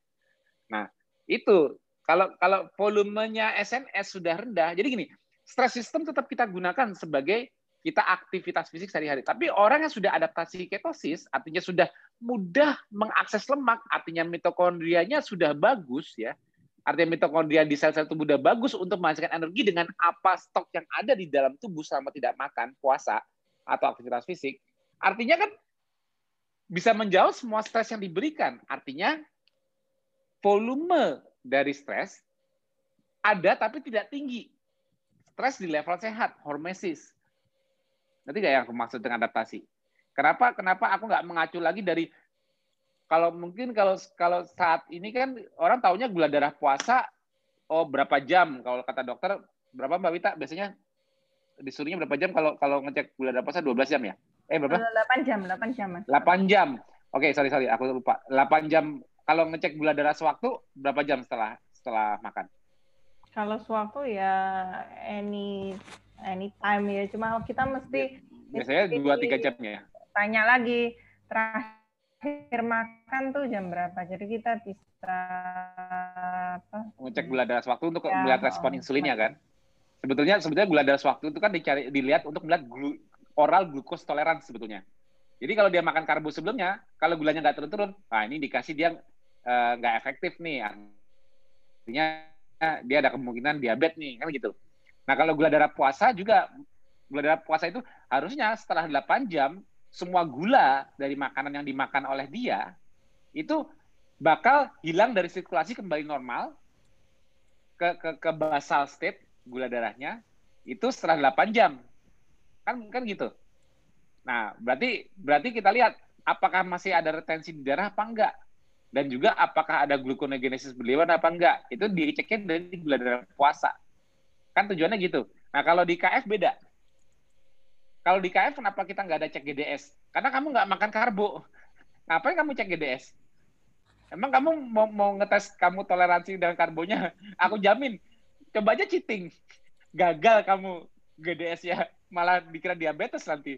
Karena lompat dulu diabaikan dulu gulanya karena udah ketosis artinya udah udah mengutamakan udah udah sparing glukos. Glukos nih dari liver aja di di disayang-sayang. Tiba-tiba dimasukin gula besar cepat serap dari dari dari makanan pada saat di kondisi ketosis ya lompat lah gulanya. Dibikin transient hmm. insulin resistan malah. Itu yang malah bikin yang malah bikin kita di oral glucose toleransinya kelihatannya jelek. Tapi kita nggak punya diabetes karena diabetes itu akar masalahnya mitokondria. Hmm. nah jadi tujuannya jam 9.10 pagi itu ialah titik tertinggi dari kortisol. Karena kortisol itu yang memodulasi gluconeogenesis. Semakin hmm. yang yang mem, yang yang memicu kortisol sistem SNS-nya sympathetic nervous system berhubungan HP axis dengan autonomous nervous system. Dan itu juga berhubungan dengan circadian rhythm di otak. Hmm. Nah, jadi kenapa aku aku suruh ngecek jam 9.10 pagi itu bu, bukan bukan nggak ada hubungan dengan makanan terakhirmu. Ya kalau makan terakhir sih aku suruh jam 8 selesai jangan kemalaman, stop jam 8 malam. Tapi nggak ada hubungan dengan pengosongan glikogen atau pengo, atau atau penyimpanan gula seperti teori orang makan karbo. Enggak, aku suruh cek gula darah, aku cuma mau lihat stress system. Yang menunjukkan kamu sudah adaptasi ialah kamu sudah cope coping dengan sudah apa coping bahasa Indonesia mas? Mengatasi. Sudah bisa menga, sudah bisa mengatasi menjawab stresmu. Sudah nyaman di kondisi tanpa makanan. Sudah nyaman di kondisi tanpa karbo. Kenapa? Karena semuanya sudah bisa dijawab. Tadinya ATP-nya dari dari karbo sekarang ATP-nya dari lemak. Kan sama aja sama-sama jadi stres COA betul nggak? Mm-hmm. nah yang paling yang paling kelihatan ialah stres di otak. Dulunya ngandelin gula terus sekarang otak udah bisa lihat lemak Caranya gimana? Udah ketosis. Jadi jadi otaknya nggak otaknya nggak mengalami fluktuasi kekurangan energi lagi. Otak, kehilangan energi di otak paling cepat memicu SNS. Wow itu cepat banget nggak usah tanya. Jangan kehilangan energi di badan badan trauma atau injury aja memicu stres, apalagi kehilangan energi di otak. Wah stres berat kamu. Makanya ciri-ciri hmm. pato patofisiologi berbagai macam penyakit degeneratif seputar otak Ya, itu penurunan penurunan kapasitas menghasilkan atau mendapatkan energi di otak. Stres sistemnya dominan. Patofisiologi deh. Itu Parkinson dan sebagainya. Ya kan? Alzheimer itu kan udah udah mulai mulai merupakan menunjukkan ketidakmampuan bioenergetikal di, di level selnya. Ya kan? Ya kalau waktu itu yang di-share sama Mas Kobal apa Mas Azharul itu yang PET scan kalau di otak uptake gula di otaknya di sisi frontalnya ini kalau bermasalah, ya kelihatan penurunan uptake-nya, ketidakmampuan untuk untuk untuk menguptake glukosnya juga udah kelihatan. Hmm. Nah itu, itu itu yang jadi sebenarnya intinya bukan masalah uptake aja, kemampuan menghasilkan energinya sudah mulai menurun sehingga menurunkan fungsi suatu sel tersebut, entah itu sel otak, entah itu sel jantung, entah itu sel apa pun yang, yang merupakan patofisiologi penyakitnya, itu ujung-ujungnya ketidakmampuan sel tersebut untuk melakukan fungsinya, artinya dia penurunan kemampuan menghasilkan energi juga. Karena untuk melakukan fungsi kan butuh energi ATP. ATP kan yang mengizinkan reaksi-reaksi yang butuh energi besar untuk berlangsung. Jadi kan ujung-ujungnya selalu ujung-ujungnya selalu kembali ke bio ke bioenergetic system. Jadi hmm. cara menjawab stres, permintaan fungsi, stres itu permintaan fungsi, permintaan fungsi aku untuk bergerak tanpa makanan, permintaan aku berfungsi untuk fokus berpikir bisa bisa putar otak tanpa makanan, itu semua stres apa? Stres minta energi. Kalau kamu hmm. coping bisa bisa supply semuanya itu dari tubuh sendiri, artinya artinya yang dari tangki bensin sendiri yaitu artinya lemakmu sendiri, ya kamu nggak bakal stres lagi gula darahnya nggak bakal ketinggian lagi. Dan kamu merasa, aduh kok nggak makan biasa aja ya.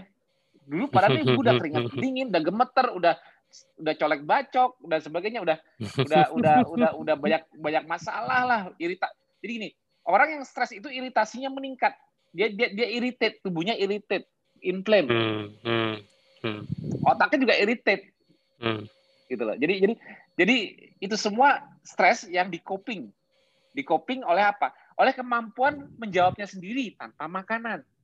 Hmm. Itu yang aku bilang namanya yang bilang fasting on ketosis itu sehat apa? Sama seperti sehat kalau kamu olahraga. Ada fasenya. Jadi sehat ala KF itu ialah sehat seperti orang sehat setelah se tadinya nggak pernah olahraga, sekarang dia olahraga. Hmm. Sehat yang dihasilkan dari olahraga dia itulah sehatnya seperti KF. Jadi sehatnya itu bukan sehat kamu kemarin-kemarin katanya nggak pernah sakit. Iya, saya sehat terus. Terus kamu kok begitu nggak makan nggak sarapan kok kayak gini? Ya gara-gara KF saya suruh nggak sarapan jadi kayak gini deh. Oh, berarti kamu sehat kemarin bukan karena olahraga. Kamu sehat karena kamu begitu ada stres, energinya kurang, di pagi hari makan. kamu makan, kamu seger lagi. Jadi dia itu dia itu bukan sehat, dia itu menekan stresnya itu bukan dengan sehat artinya bukan dengan sehat karena kemampuan respirasi meningkat, bukan karena di, karena dibantuin terus, ngerti gak sih ya, maksudnya? Dikasih energi Sehatnya dari luar sehat, terus. Sehatnya tuh sehat permukaan, walaupun hmm. nantinya akhirnya muncul kronik kronik atau latent disease di dalamnya, nggak bakal pernah kelihatan. Kenapa? Ya, ditutupin karena kan, terus. Karena kan SNS-nya kan ditekan terus, hmm. dinyalain terus parasimpatetiknya. Ingat jangan lupa, parasimpatetik kontrol itu ialah boleh nggak mas kembalian ke sistem saraf tadi mas eh, yang bisa. kontrol simpatetik biar mereka pada lihat semua lagi. Lihat. Yang gambar otak. Nah lihat nih. Sekarang tadi kan kita udah ngomong simpatetik ya. Sekarang ngomong parasimpatetik. Lihat parasimpatetik itu ke sisi mata ya itu itu mulai membuat kita ngantuk kayak itu normal stimulate flow of saliva mempersiapkan kita untuk mengunyah mencerna makanan hmm slow heartbeat membuat detak jantung kita turun. Melambat. Nah, hmm. Ya kan. Nah, makanya kalau deg-degan, ya, kalau udah lambat berarti kita di, di siap untuk relax. Jadi kita gampang gini. Parasimpatetik itu anti anti stres, kita bikin relax. Nah, hmm. Constrict bronchi, napas kita memang memang tidak tidak tidak kapasitasnya tidak sebesar pada saat kita butuh oksigen cepat kita bergerak ya. Ini di constrict ya. Terus hmm. yang paling penting ini, stimulate peristaltik dan secretion. Menstimulasi gerak peristaltik dan sekresi, sekresi hmm. dari dari digestive enzyme. Enzim-enzim pencernaan. Digestive. Ya, enzim lipas, proteas, apa semuanya sekresi bile, bile juga bile untuk mencerna lemak juga juga sekresinya optimal di, dengan kontrol parasimpatetik. Jadi parasimpatetik itu pada saat pada saat kita dibikin relax, kita dibikin siap untuk mencerna. Ya.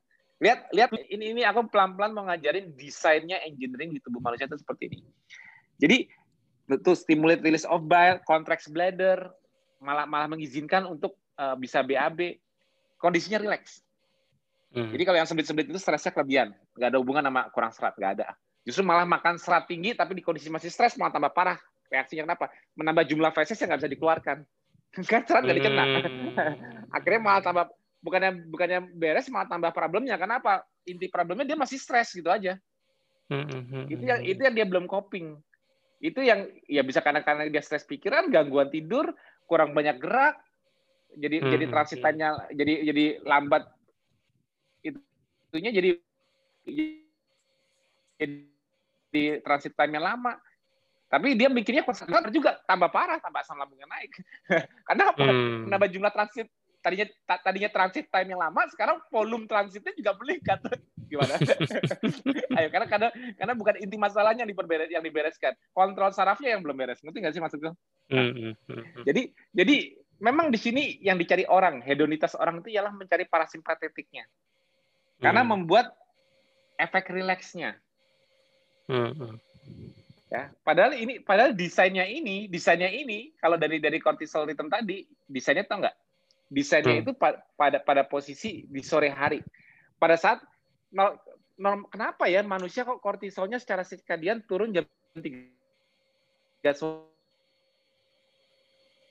sore yang cari hewan di al- alam liar akhirnya kayaknya sebelum gelap karena orang kan alam liar kan nggak ada listrik jadi mikirnya supaya manusia itu paling takut dalam kegelapan. Ya, Hmm. manusia itu desainnya di alam liar takut di gelap. Kenapa? Dalam kegelapan dia bisa dimangsa oleh hewan-hewan yang keluarnya di malam hari, dipredasi. Jadi alam mengingatkan manusia, tuh udah mulai sore nih. Jadi jangan jangan aktif gerak terus, mulai kembali ke arah rumah, tempat yang aman, di mana pun kamu berada. Jadi sore hari itu membimbing manusia untuk buru-buru kembali ke tempat walaupun dia sudah berjalan jauh, tapi dia langsung wah udah mau sore nih, dia nggak bisa balik rumah, dia harus menyiap- cari tempat aman untuk bikin campingnya lah, sebagainya. Pokoknya udah udah udah nggak terlalu fokus karena udah terlambat kalau kamu udah jam 3 sore, kamu masih belum dapat makan, ya udahlah.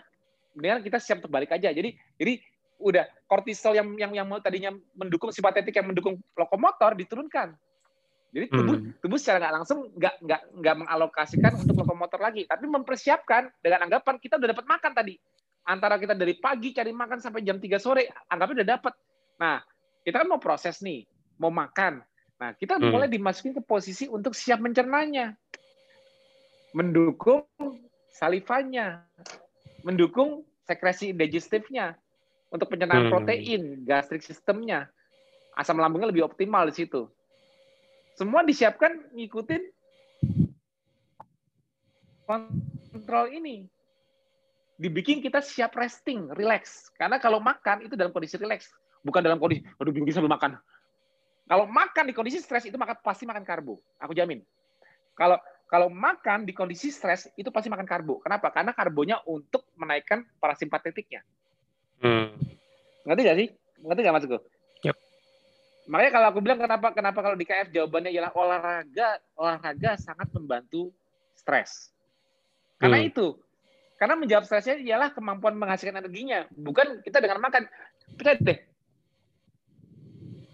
Mengaktif, ya memang betul sih, makan itu mengaktifkan itu. Tapi kita kalau udah bisa coping stres dengan cara mengakses dengan apa yang di dalam tubuh kita sendiri, itu mudah.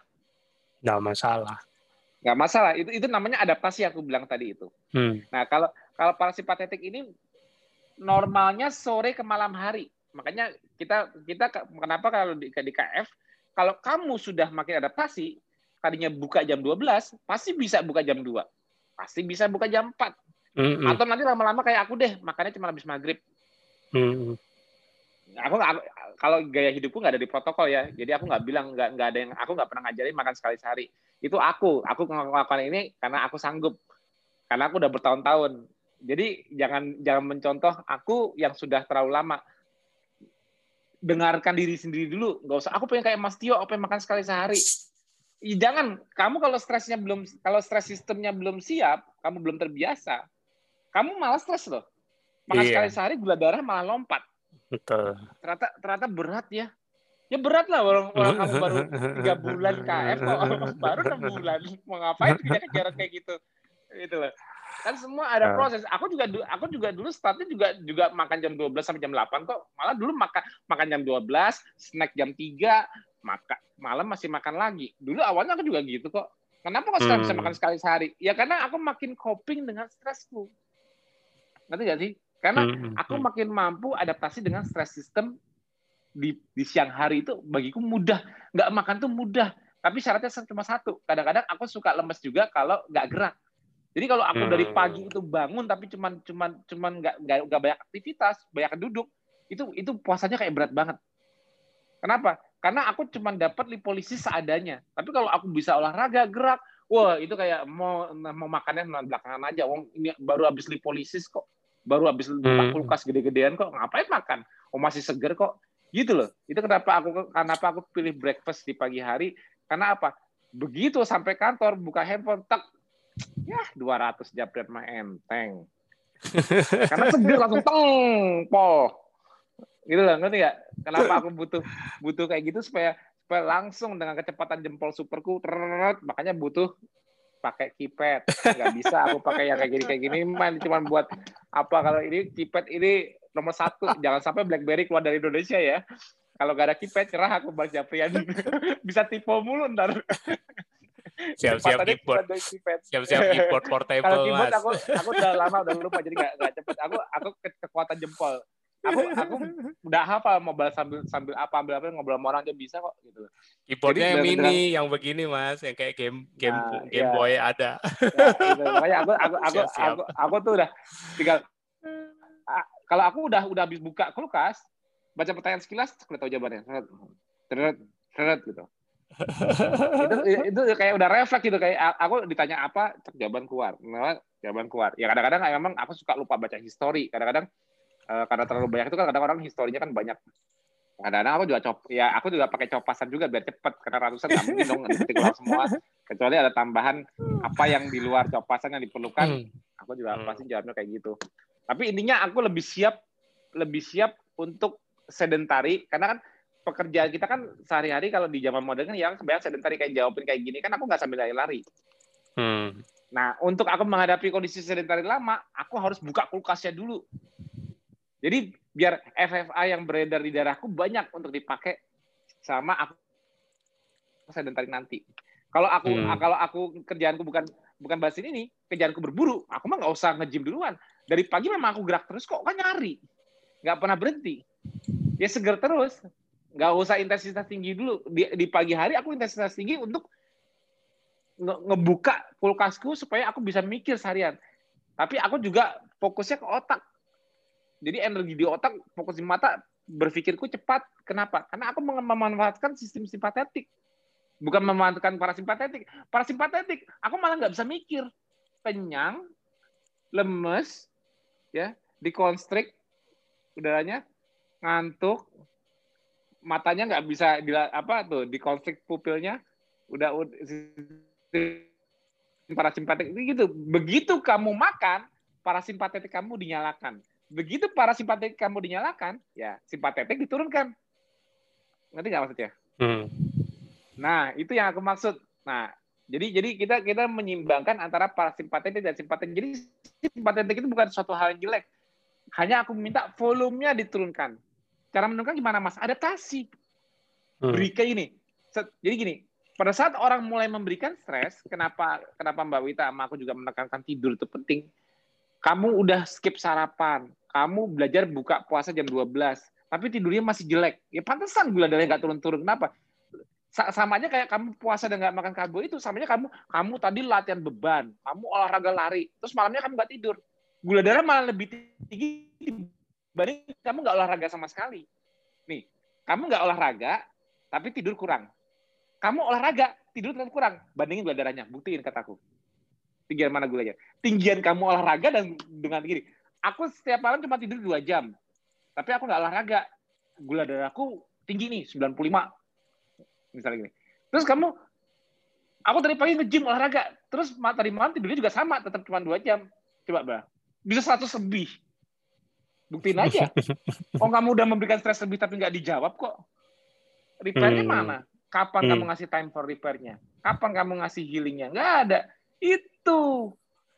Tapi ya harusnya, harusnya nggak gitu. Harusnya olahraga membuat kita mudah tidur. Kenapa? Karena stres lebih itu menuntut menuntut kita mudah tidur. Makanya aku bilang menjaga menjaga aktivitas fisik tetap bagus, manajemen stres bagus, itu mendukung tidurnya. Tidur bagus, stres dijaga, untuk untuk olahraga itu mudah jadi semangat paginya untuk hmm. stres untuk olahraga olahraga olahraga bagus tidur bagus manajemen stres juga jadi mudah. Jadi tiga ini kayak saling bantu membantu satu sama saya. Oh, aku punya masalah di stres mas pikiran.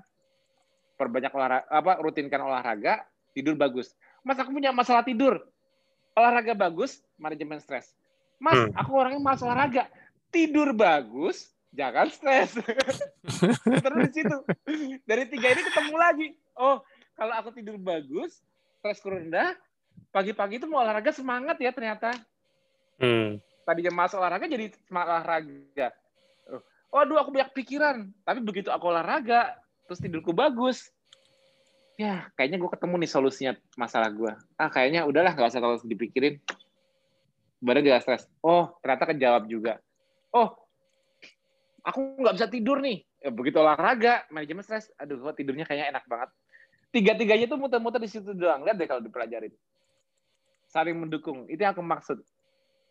Nah, jadi di kondisi di kondisi kita yang ini ini kita ngomongin di kondisi gaya hidup KF. Tapi kalau di kondisi kayak pregnancy, busui, juga di kondisi ini, di kondisi mendekati datang bulan untuk para wanita, itu itu itu itu demandnya agak lebih gede. Makanya uh, para wanita menjelang menjelang ovulasinya sampai dia apa degradasinya ini yang butuh energi besar karena juga harus harus setelah LHSF naik kan estrogen naik sama progesteron hmm. dalam, dalam proses inflamasi yang ngancurin dinding ini pasti kan mereka kerasa lebih lapar para wanita nih ya hmm. ikutin aja dan dan aku rasa nggak perlu sarapan kalau kalau cuma untuk masa datang bulan mah buka jam 12 aja makan makan sekenyangnya sampai jam 8 malam cukup kalau yang nggak hmm. puasa sama sekali itu wajar kalau yang bumil dan busui Bumi, hmm. busu anak-anak nggak apa-apa karena demand mereka bes, memang besar.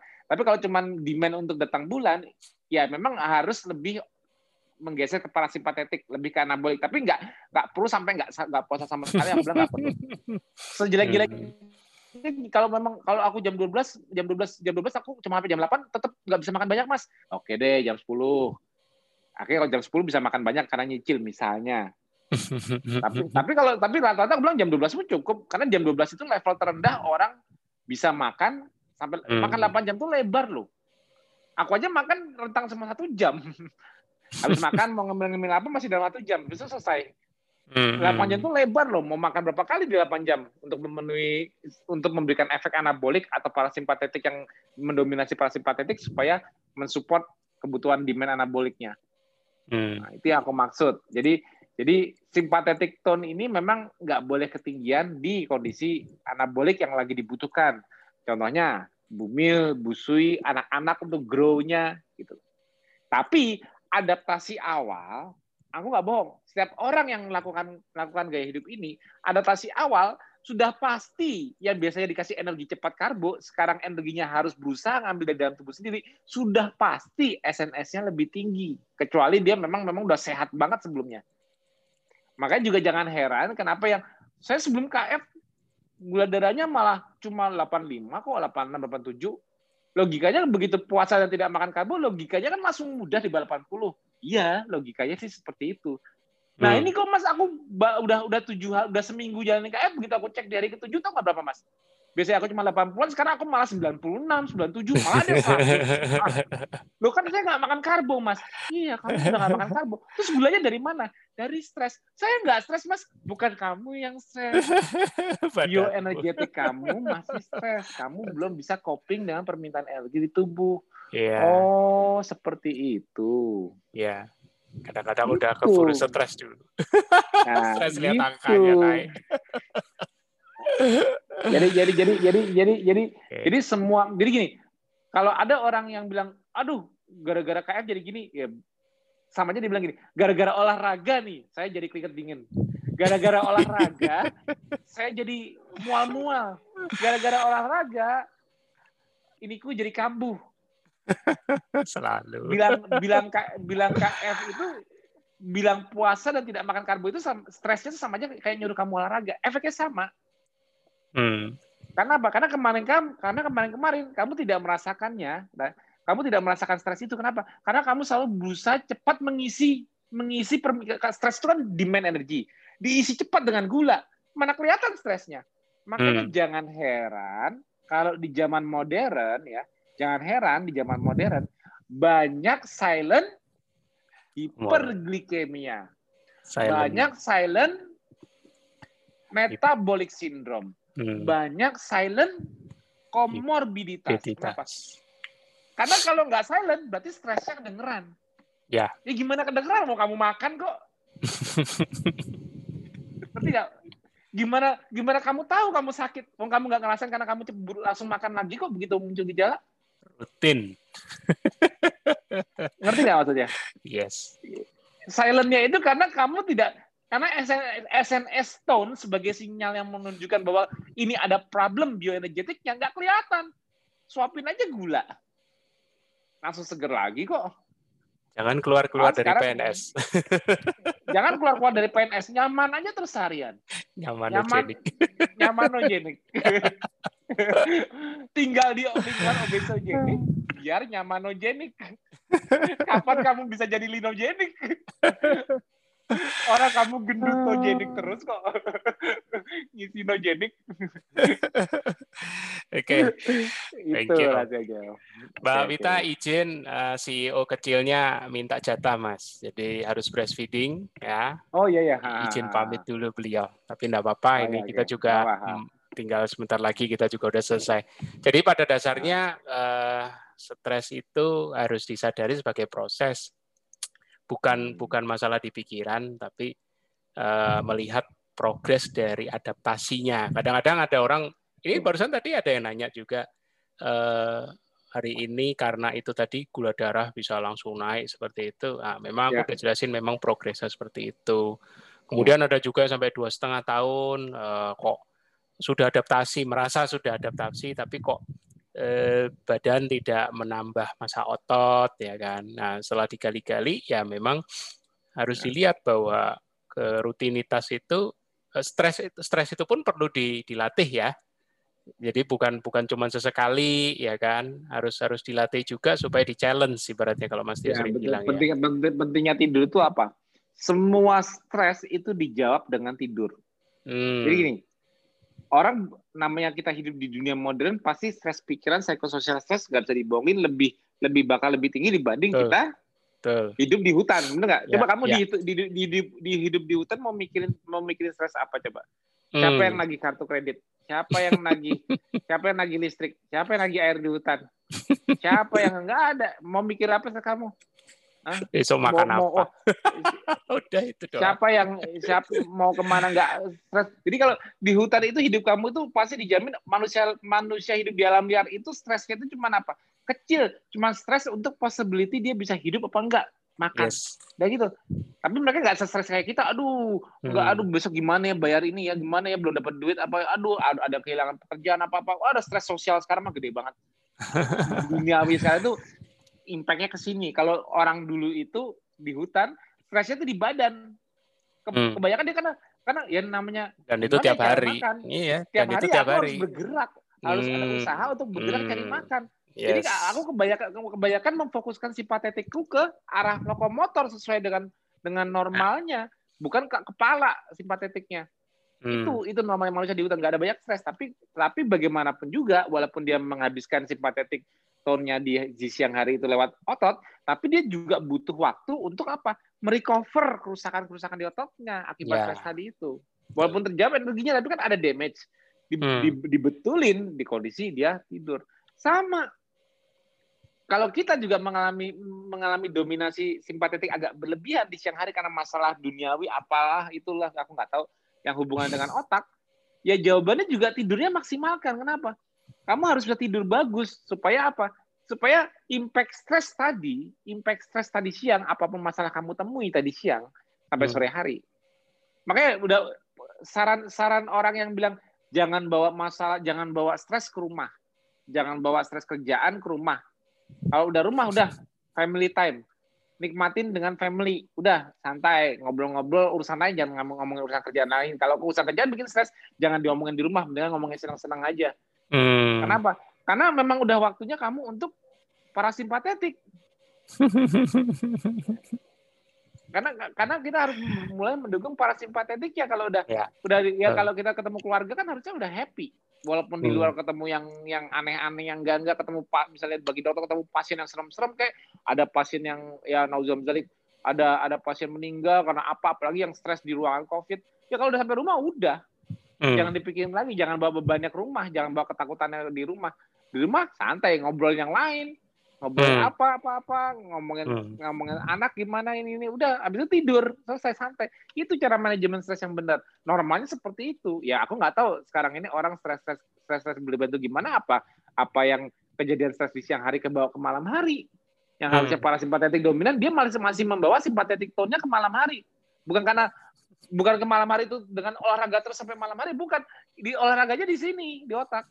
Itu yang bikin yang bikin ya impactnya ke mana-mana. Itu loh selesai selesai. ya, masalahnya kan banyak ya. Aku kan aku kan bukan bukan problem solver bagi semua masalah duniawi orang. Itu harus bisa ketemu solusinya sendiri sendiri kalau ya. aku memberikan pola livingnya aku memberikan clue-cluenya dari hmm. fisiologi yang harus diikuti dengan selaras supaya hmm. apa supaya insya Allah longevity kita meningkat lifespan kita meningkat secara fisiologi hmm. bukan takdir hmm. ya kalau takdir hmm. aku nggak bisa berani jamin tapi secara fisiologi ikhtiar kita untuk meningkatkan longevity dan sebagainya kita ikuti ritme circadian hmm. Hmm. kita ikutin light and dark cycle-nya kita ikutin hmm. gimana gimana kita bisa cope dengan stres kita sehari-hari terutama stres lokomotor yang bisa dijawab dan tidak mem, tidak memberikan stres terlalu tinggi di kepala yang sulit, sulit dijawab. Kenapa? Karena aku bilang di TFA kemarin, stres di lokomotor, kamu bisa jadi six pack, bisa tambah gede dadanya, bisa tambah gede bisepnya karena kamu rusaknya di otot. Dijawabnya gampang. Coba hmm. dirusak di otak. Gimana otaknya? Apa otak apa apa begitu kamu stres terus terus best apa setahun lagi kepalamu tambah berapa senti gitu kan enggak enggak ada yang berkembang kan ternyata di situ itu aja malah damage-nya ke bawah makanya coba stres setahun ngasih stres ke badan ketambah Ayo, kalau kalau di otak kepalamu jadi jadi keluar kotak-kotak gini kan. Nggak mungkin. Makanya aku bilang dari total stres yang threshold yang kita miliki, kalau kita sering memakainya untuk fisik, volume volume otak-otak jadi nggak kegedean. Kita kita kalau olahraganya rutin, kalau kita hmm. olahraganya bagus, tidur bagus, aku jamin deh kemampuan kita walaupun stres duniawi itu ada, tapi kemampuan kita untuk handle stres yang kita terima, kemampuan kita untuk problem solving, menghadapi masalah, menerima hmm. kabar buruk sekalipun, hmm. menjaga menjaga ketenangan, itu itu secara fisiologinya bakal lebih tersupport untuk bisa coping dibanding kalau kita sendiri nggak pernah olahraga, sedentari, kena stres sedikit langsung stres berat, ah hmm. cuma berantakan itu dunia dia sekarang. Makanya harus berusaha apa uh, uh, melihat clue-clue yang diberikan secara engineering di tubuh dari kontrol saraf ini dengan hmm. HPA aksisnya dengan timingnya kapan cocoknya kita makan, timingnya kapan kita melatih tubuh kita untuk coping stres, untuk mengatasi stres, tapi bukan dengan makan, dengan dengan memperkenalkan dengan tangki bensin kita sendiri lemak. Karena dengan cara seperti itu sama seperti kita men men membentuk homeostasis baru, keseimbangan baru yang pasti lebih sehat. Hmm. Karena aku bilang, makanya orang makan sekali sehari badannya seger terus sama orang seger tapi makannya tiga kali sehari, setan mana? Setan yang makan sekali sehari dengan seger yang sama dengan orang seger tapi tiga kali sehari.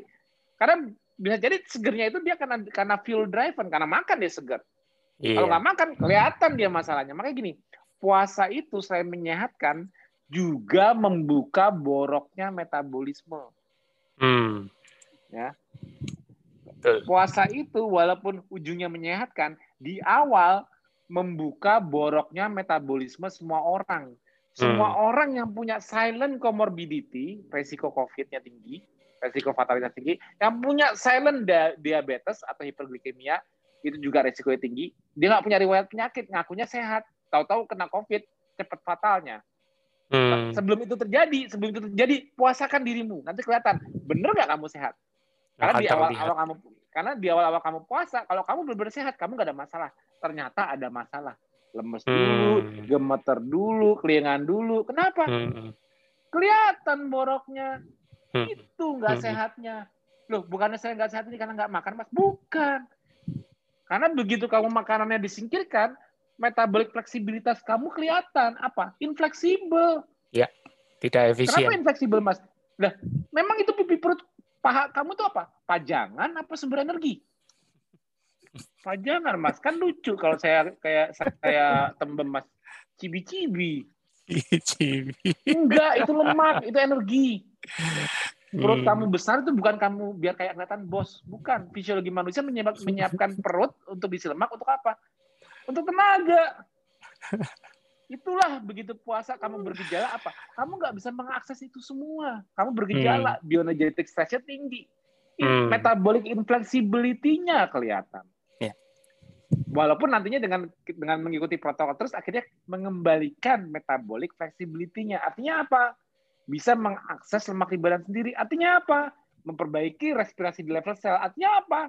Fungsi-fungsi sel di seluruh tubuh membaik, respirasinya artinya bisa melakukan fungsinya lagi. Artinya apa? Terangkatlah berbagai macam patofisiologi penyakit yang terindikasi metabolisme atau penurunan fungsi dari suatu sel. Entah itu di organ mana, Hmm. organ mana. Membaik semua nggak secara sistemik? Sistemik Hmm. lah. Orang di challenge, ya dijawab. Itulah tubuh manusia. Kalau ditantang, dijawab. Nggak ditantang, ya nggak dijawab. Use it or lose it. Gitu. Hmm. Jadi kayak otot, ototmu nggak usah dipakai aja. Bawa aja tidur terus, nggak usah jalan-jalan. Ntar mengecil ototnya. Use it or lose it. Makanya kita tiap hari selalu mem- memberikan kita challenge, tantangan secara fisik, olahraga dan sebagainya. Itu apa? Karena kita selalu lebih untuk untuk eh, apa ya? Untuk moving forward, menjadi Hmm. lebih sehat, menjadi lebih baik dari sebelumnya. Itulah manusia. Manusia selalu berusaha menjadi lebih baik dari sebelumnya. 11 tahun aku masih makan tiga kali sehari mah keterlaluan. Jadi 11 tahun aku nggak moving forward dong. 11 tahun aku bisa makan aku bisa makan 11 satu kali sehari ya karena aku makin lebih bisa makin di jendela puasa angkatanku juga makin banyak, aku bisa bisa intensitas lebih tinggi. Itu kan semua proses. Artinya proses lebih baik. Kemampuan survivalnya lebih tinggi. Kemampuan menahan stres lebih kuat. Jadi dengan dikasih stres besar, nggak langsung lompat volume SNS-nya. Enggak. Hmm. Karena basic thresholdku lebih rendah. Kalau orang gini, misalnya threshold stress di sini, yang sebelum Hmm. jadi kalau threshold stress di sini yang memicu patologi, rata-rata orang thresholdnya di sini. Kalau dikasih stres dengan dengan dosis tertentu dia gampang ke sini. Kalau aku dengan lifestyle aku berusaha untuk menurunkan dosisnya menurun, menurunkan melebarkan thresholdku dari basicnya aku cuma segini. Jadi kalau aku nggak ngapa-ngapain stresku sangat rendah banget. Begitu aku ngapa-ngapain aktivitas fisik dan sebagainya belum sampai-sampai ke level patologi. Hmm. Hmm. Kalau orang lain yang biasa sedentari, Hmm. yang biasa sudah makan ada. terus coping, Hmm. level stresnya udah deket sama patologi levelnya. Ya. Begitu dia punya masalah, brak, bubiar. Nah, Itu dia. mudah-mudahan, nah mudah-mudahan nih penjelasan malam ini membuka lebih lanjut mengenai apa itu KF dari sebelum-sebelumnya. Kenapa aku mendesain seperti itu? Kenapa tujuannya apa? Lebih mudah menjelaskan. Ya. Ya kan? Artinya apa dia? Oh ada adaptasi. Oh ada yang sembelit. Nah ada yang sembelit. Wah kurang serat kah? Belum tentu. Ya, tuh. Tidurnya bagus nggak? Stresnya tinggi nggak? Gitu loh. Jadi jadi co- coba deh koreksi tidurnya. Perbanyak minumnya. Apa kekurangannya? Jadi nggak kadang-kadang jawaban singkat itu belum tentu juga. Jadi ada ada sistem stres kita yang harus turunin. Jadi kita harus mikir dua kali. Hmm. Ya memang aku belum coping. Oh aku nih kok headku nggak lancar ya. Pas awal KM nggak headku nggak lancar ya mensku tertunda. Ya iyalah tubuhnya masih stres. Coba aja. Kalau nggak gini, sebelum menjelang haid ya, menjelang haid udah kerasa lapar, buka jam 12 aja jangan banyak-banyak puasanya. Maka lebih banyak tidurnya bagusin, stres di manajemen. Pasti lancar. Hmm. Hmm. Karena kita karena karena karena simpatetiknya kita nggak ketinggian lagi. Misalnya contoh gitu. Oh di awal-awal ada healing crisis. Oh healing crisis itu juga inflamasi muncul stres. Nah gimana kita coping dengan stres saat healing crisis? Ya sama kayak metabolic conditioning terhadap terhadap COVID-19. Perbanyak tidur, istirahat.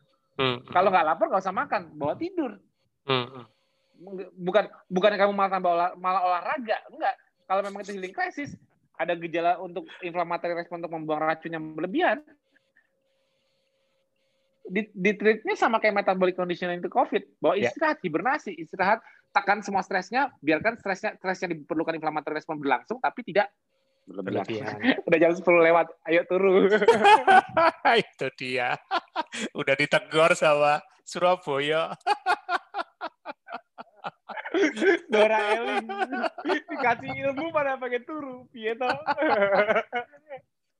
Soalnya punya legalitas. Sudah jam 10. Oke, okay. thank you Mas Tio, dan thank you juga untuk cerita, untuk Mbak Wita ya, yang tadi walaupun tidak sempat izin pamit Mbak karena udah, udah, ya, ya karena panggilan urgent, uh, panggilan urgent dari hmm. CEO kecil ya, nah, kita sama-sama. Ya, turu is healing, itu. kata Mbak Dwi, kata Mbak Wi, turu is healing is true, ya betul. turu is healing is true. Oke. Okay. Kita nanti jumpa lagi di minggu depan, masih ada TFH dan jangan lupa minggu depannya lagi tanggal 25 nah, kita akan ya. ada SFH ya. Pasti pembicaranya juga luar biasa. Teman-teman selalu siap untuk belajar dan ya. selalu pastikan ajak mereka-mereka yang dirasa masih pingin banyak bertanya atau pingin haus mencari pem, uh, apa pengetahuan, pingin belajar lebih banyak, ya kan? Dan di sini kita bisa diskusi secara konstruktif, ya.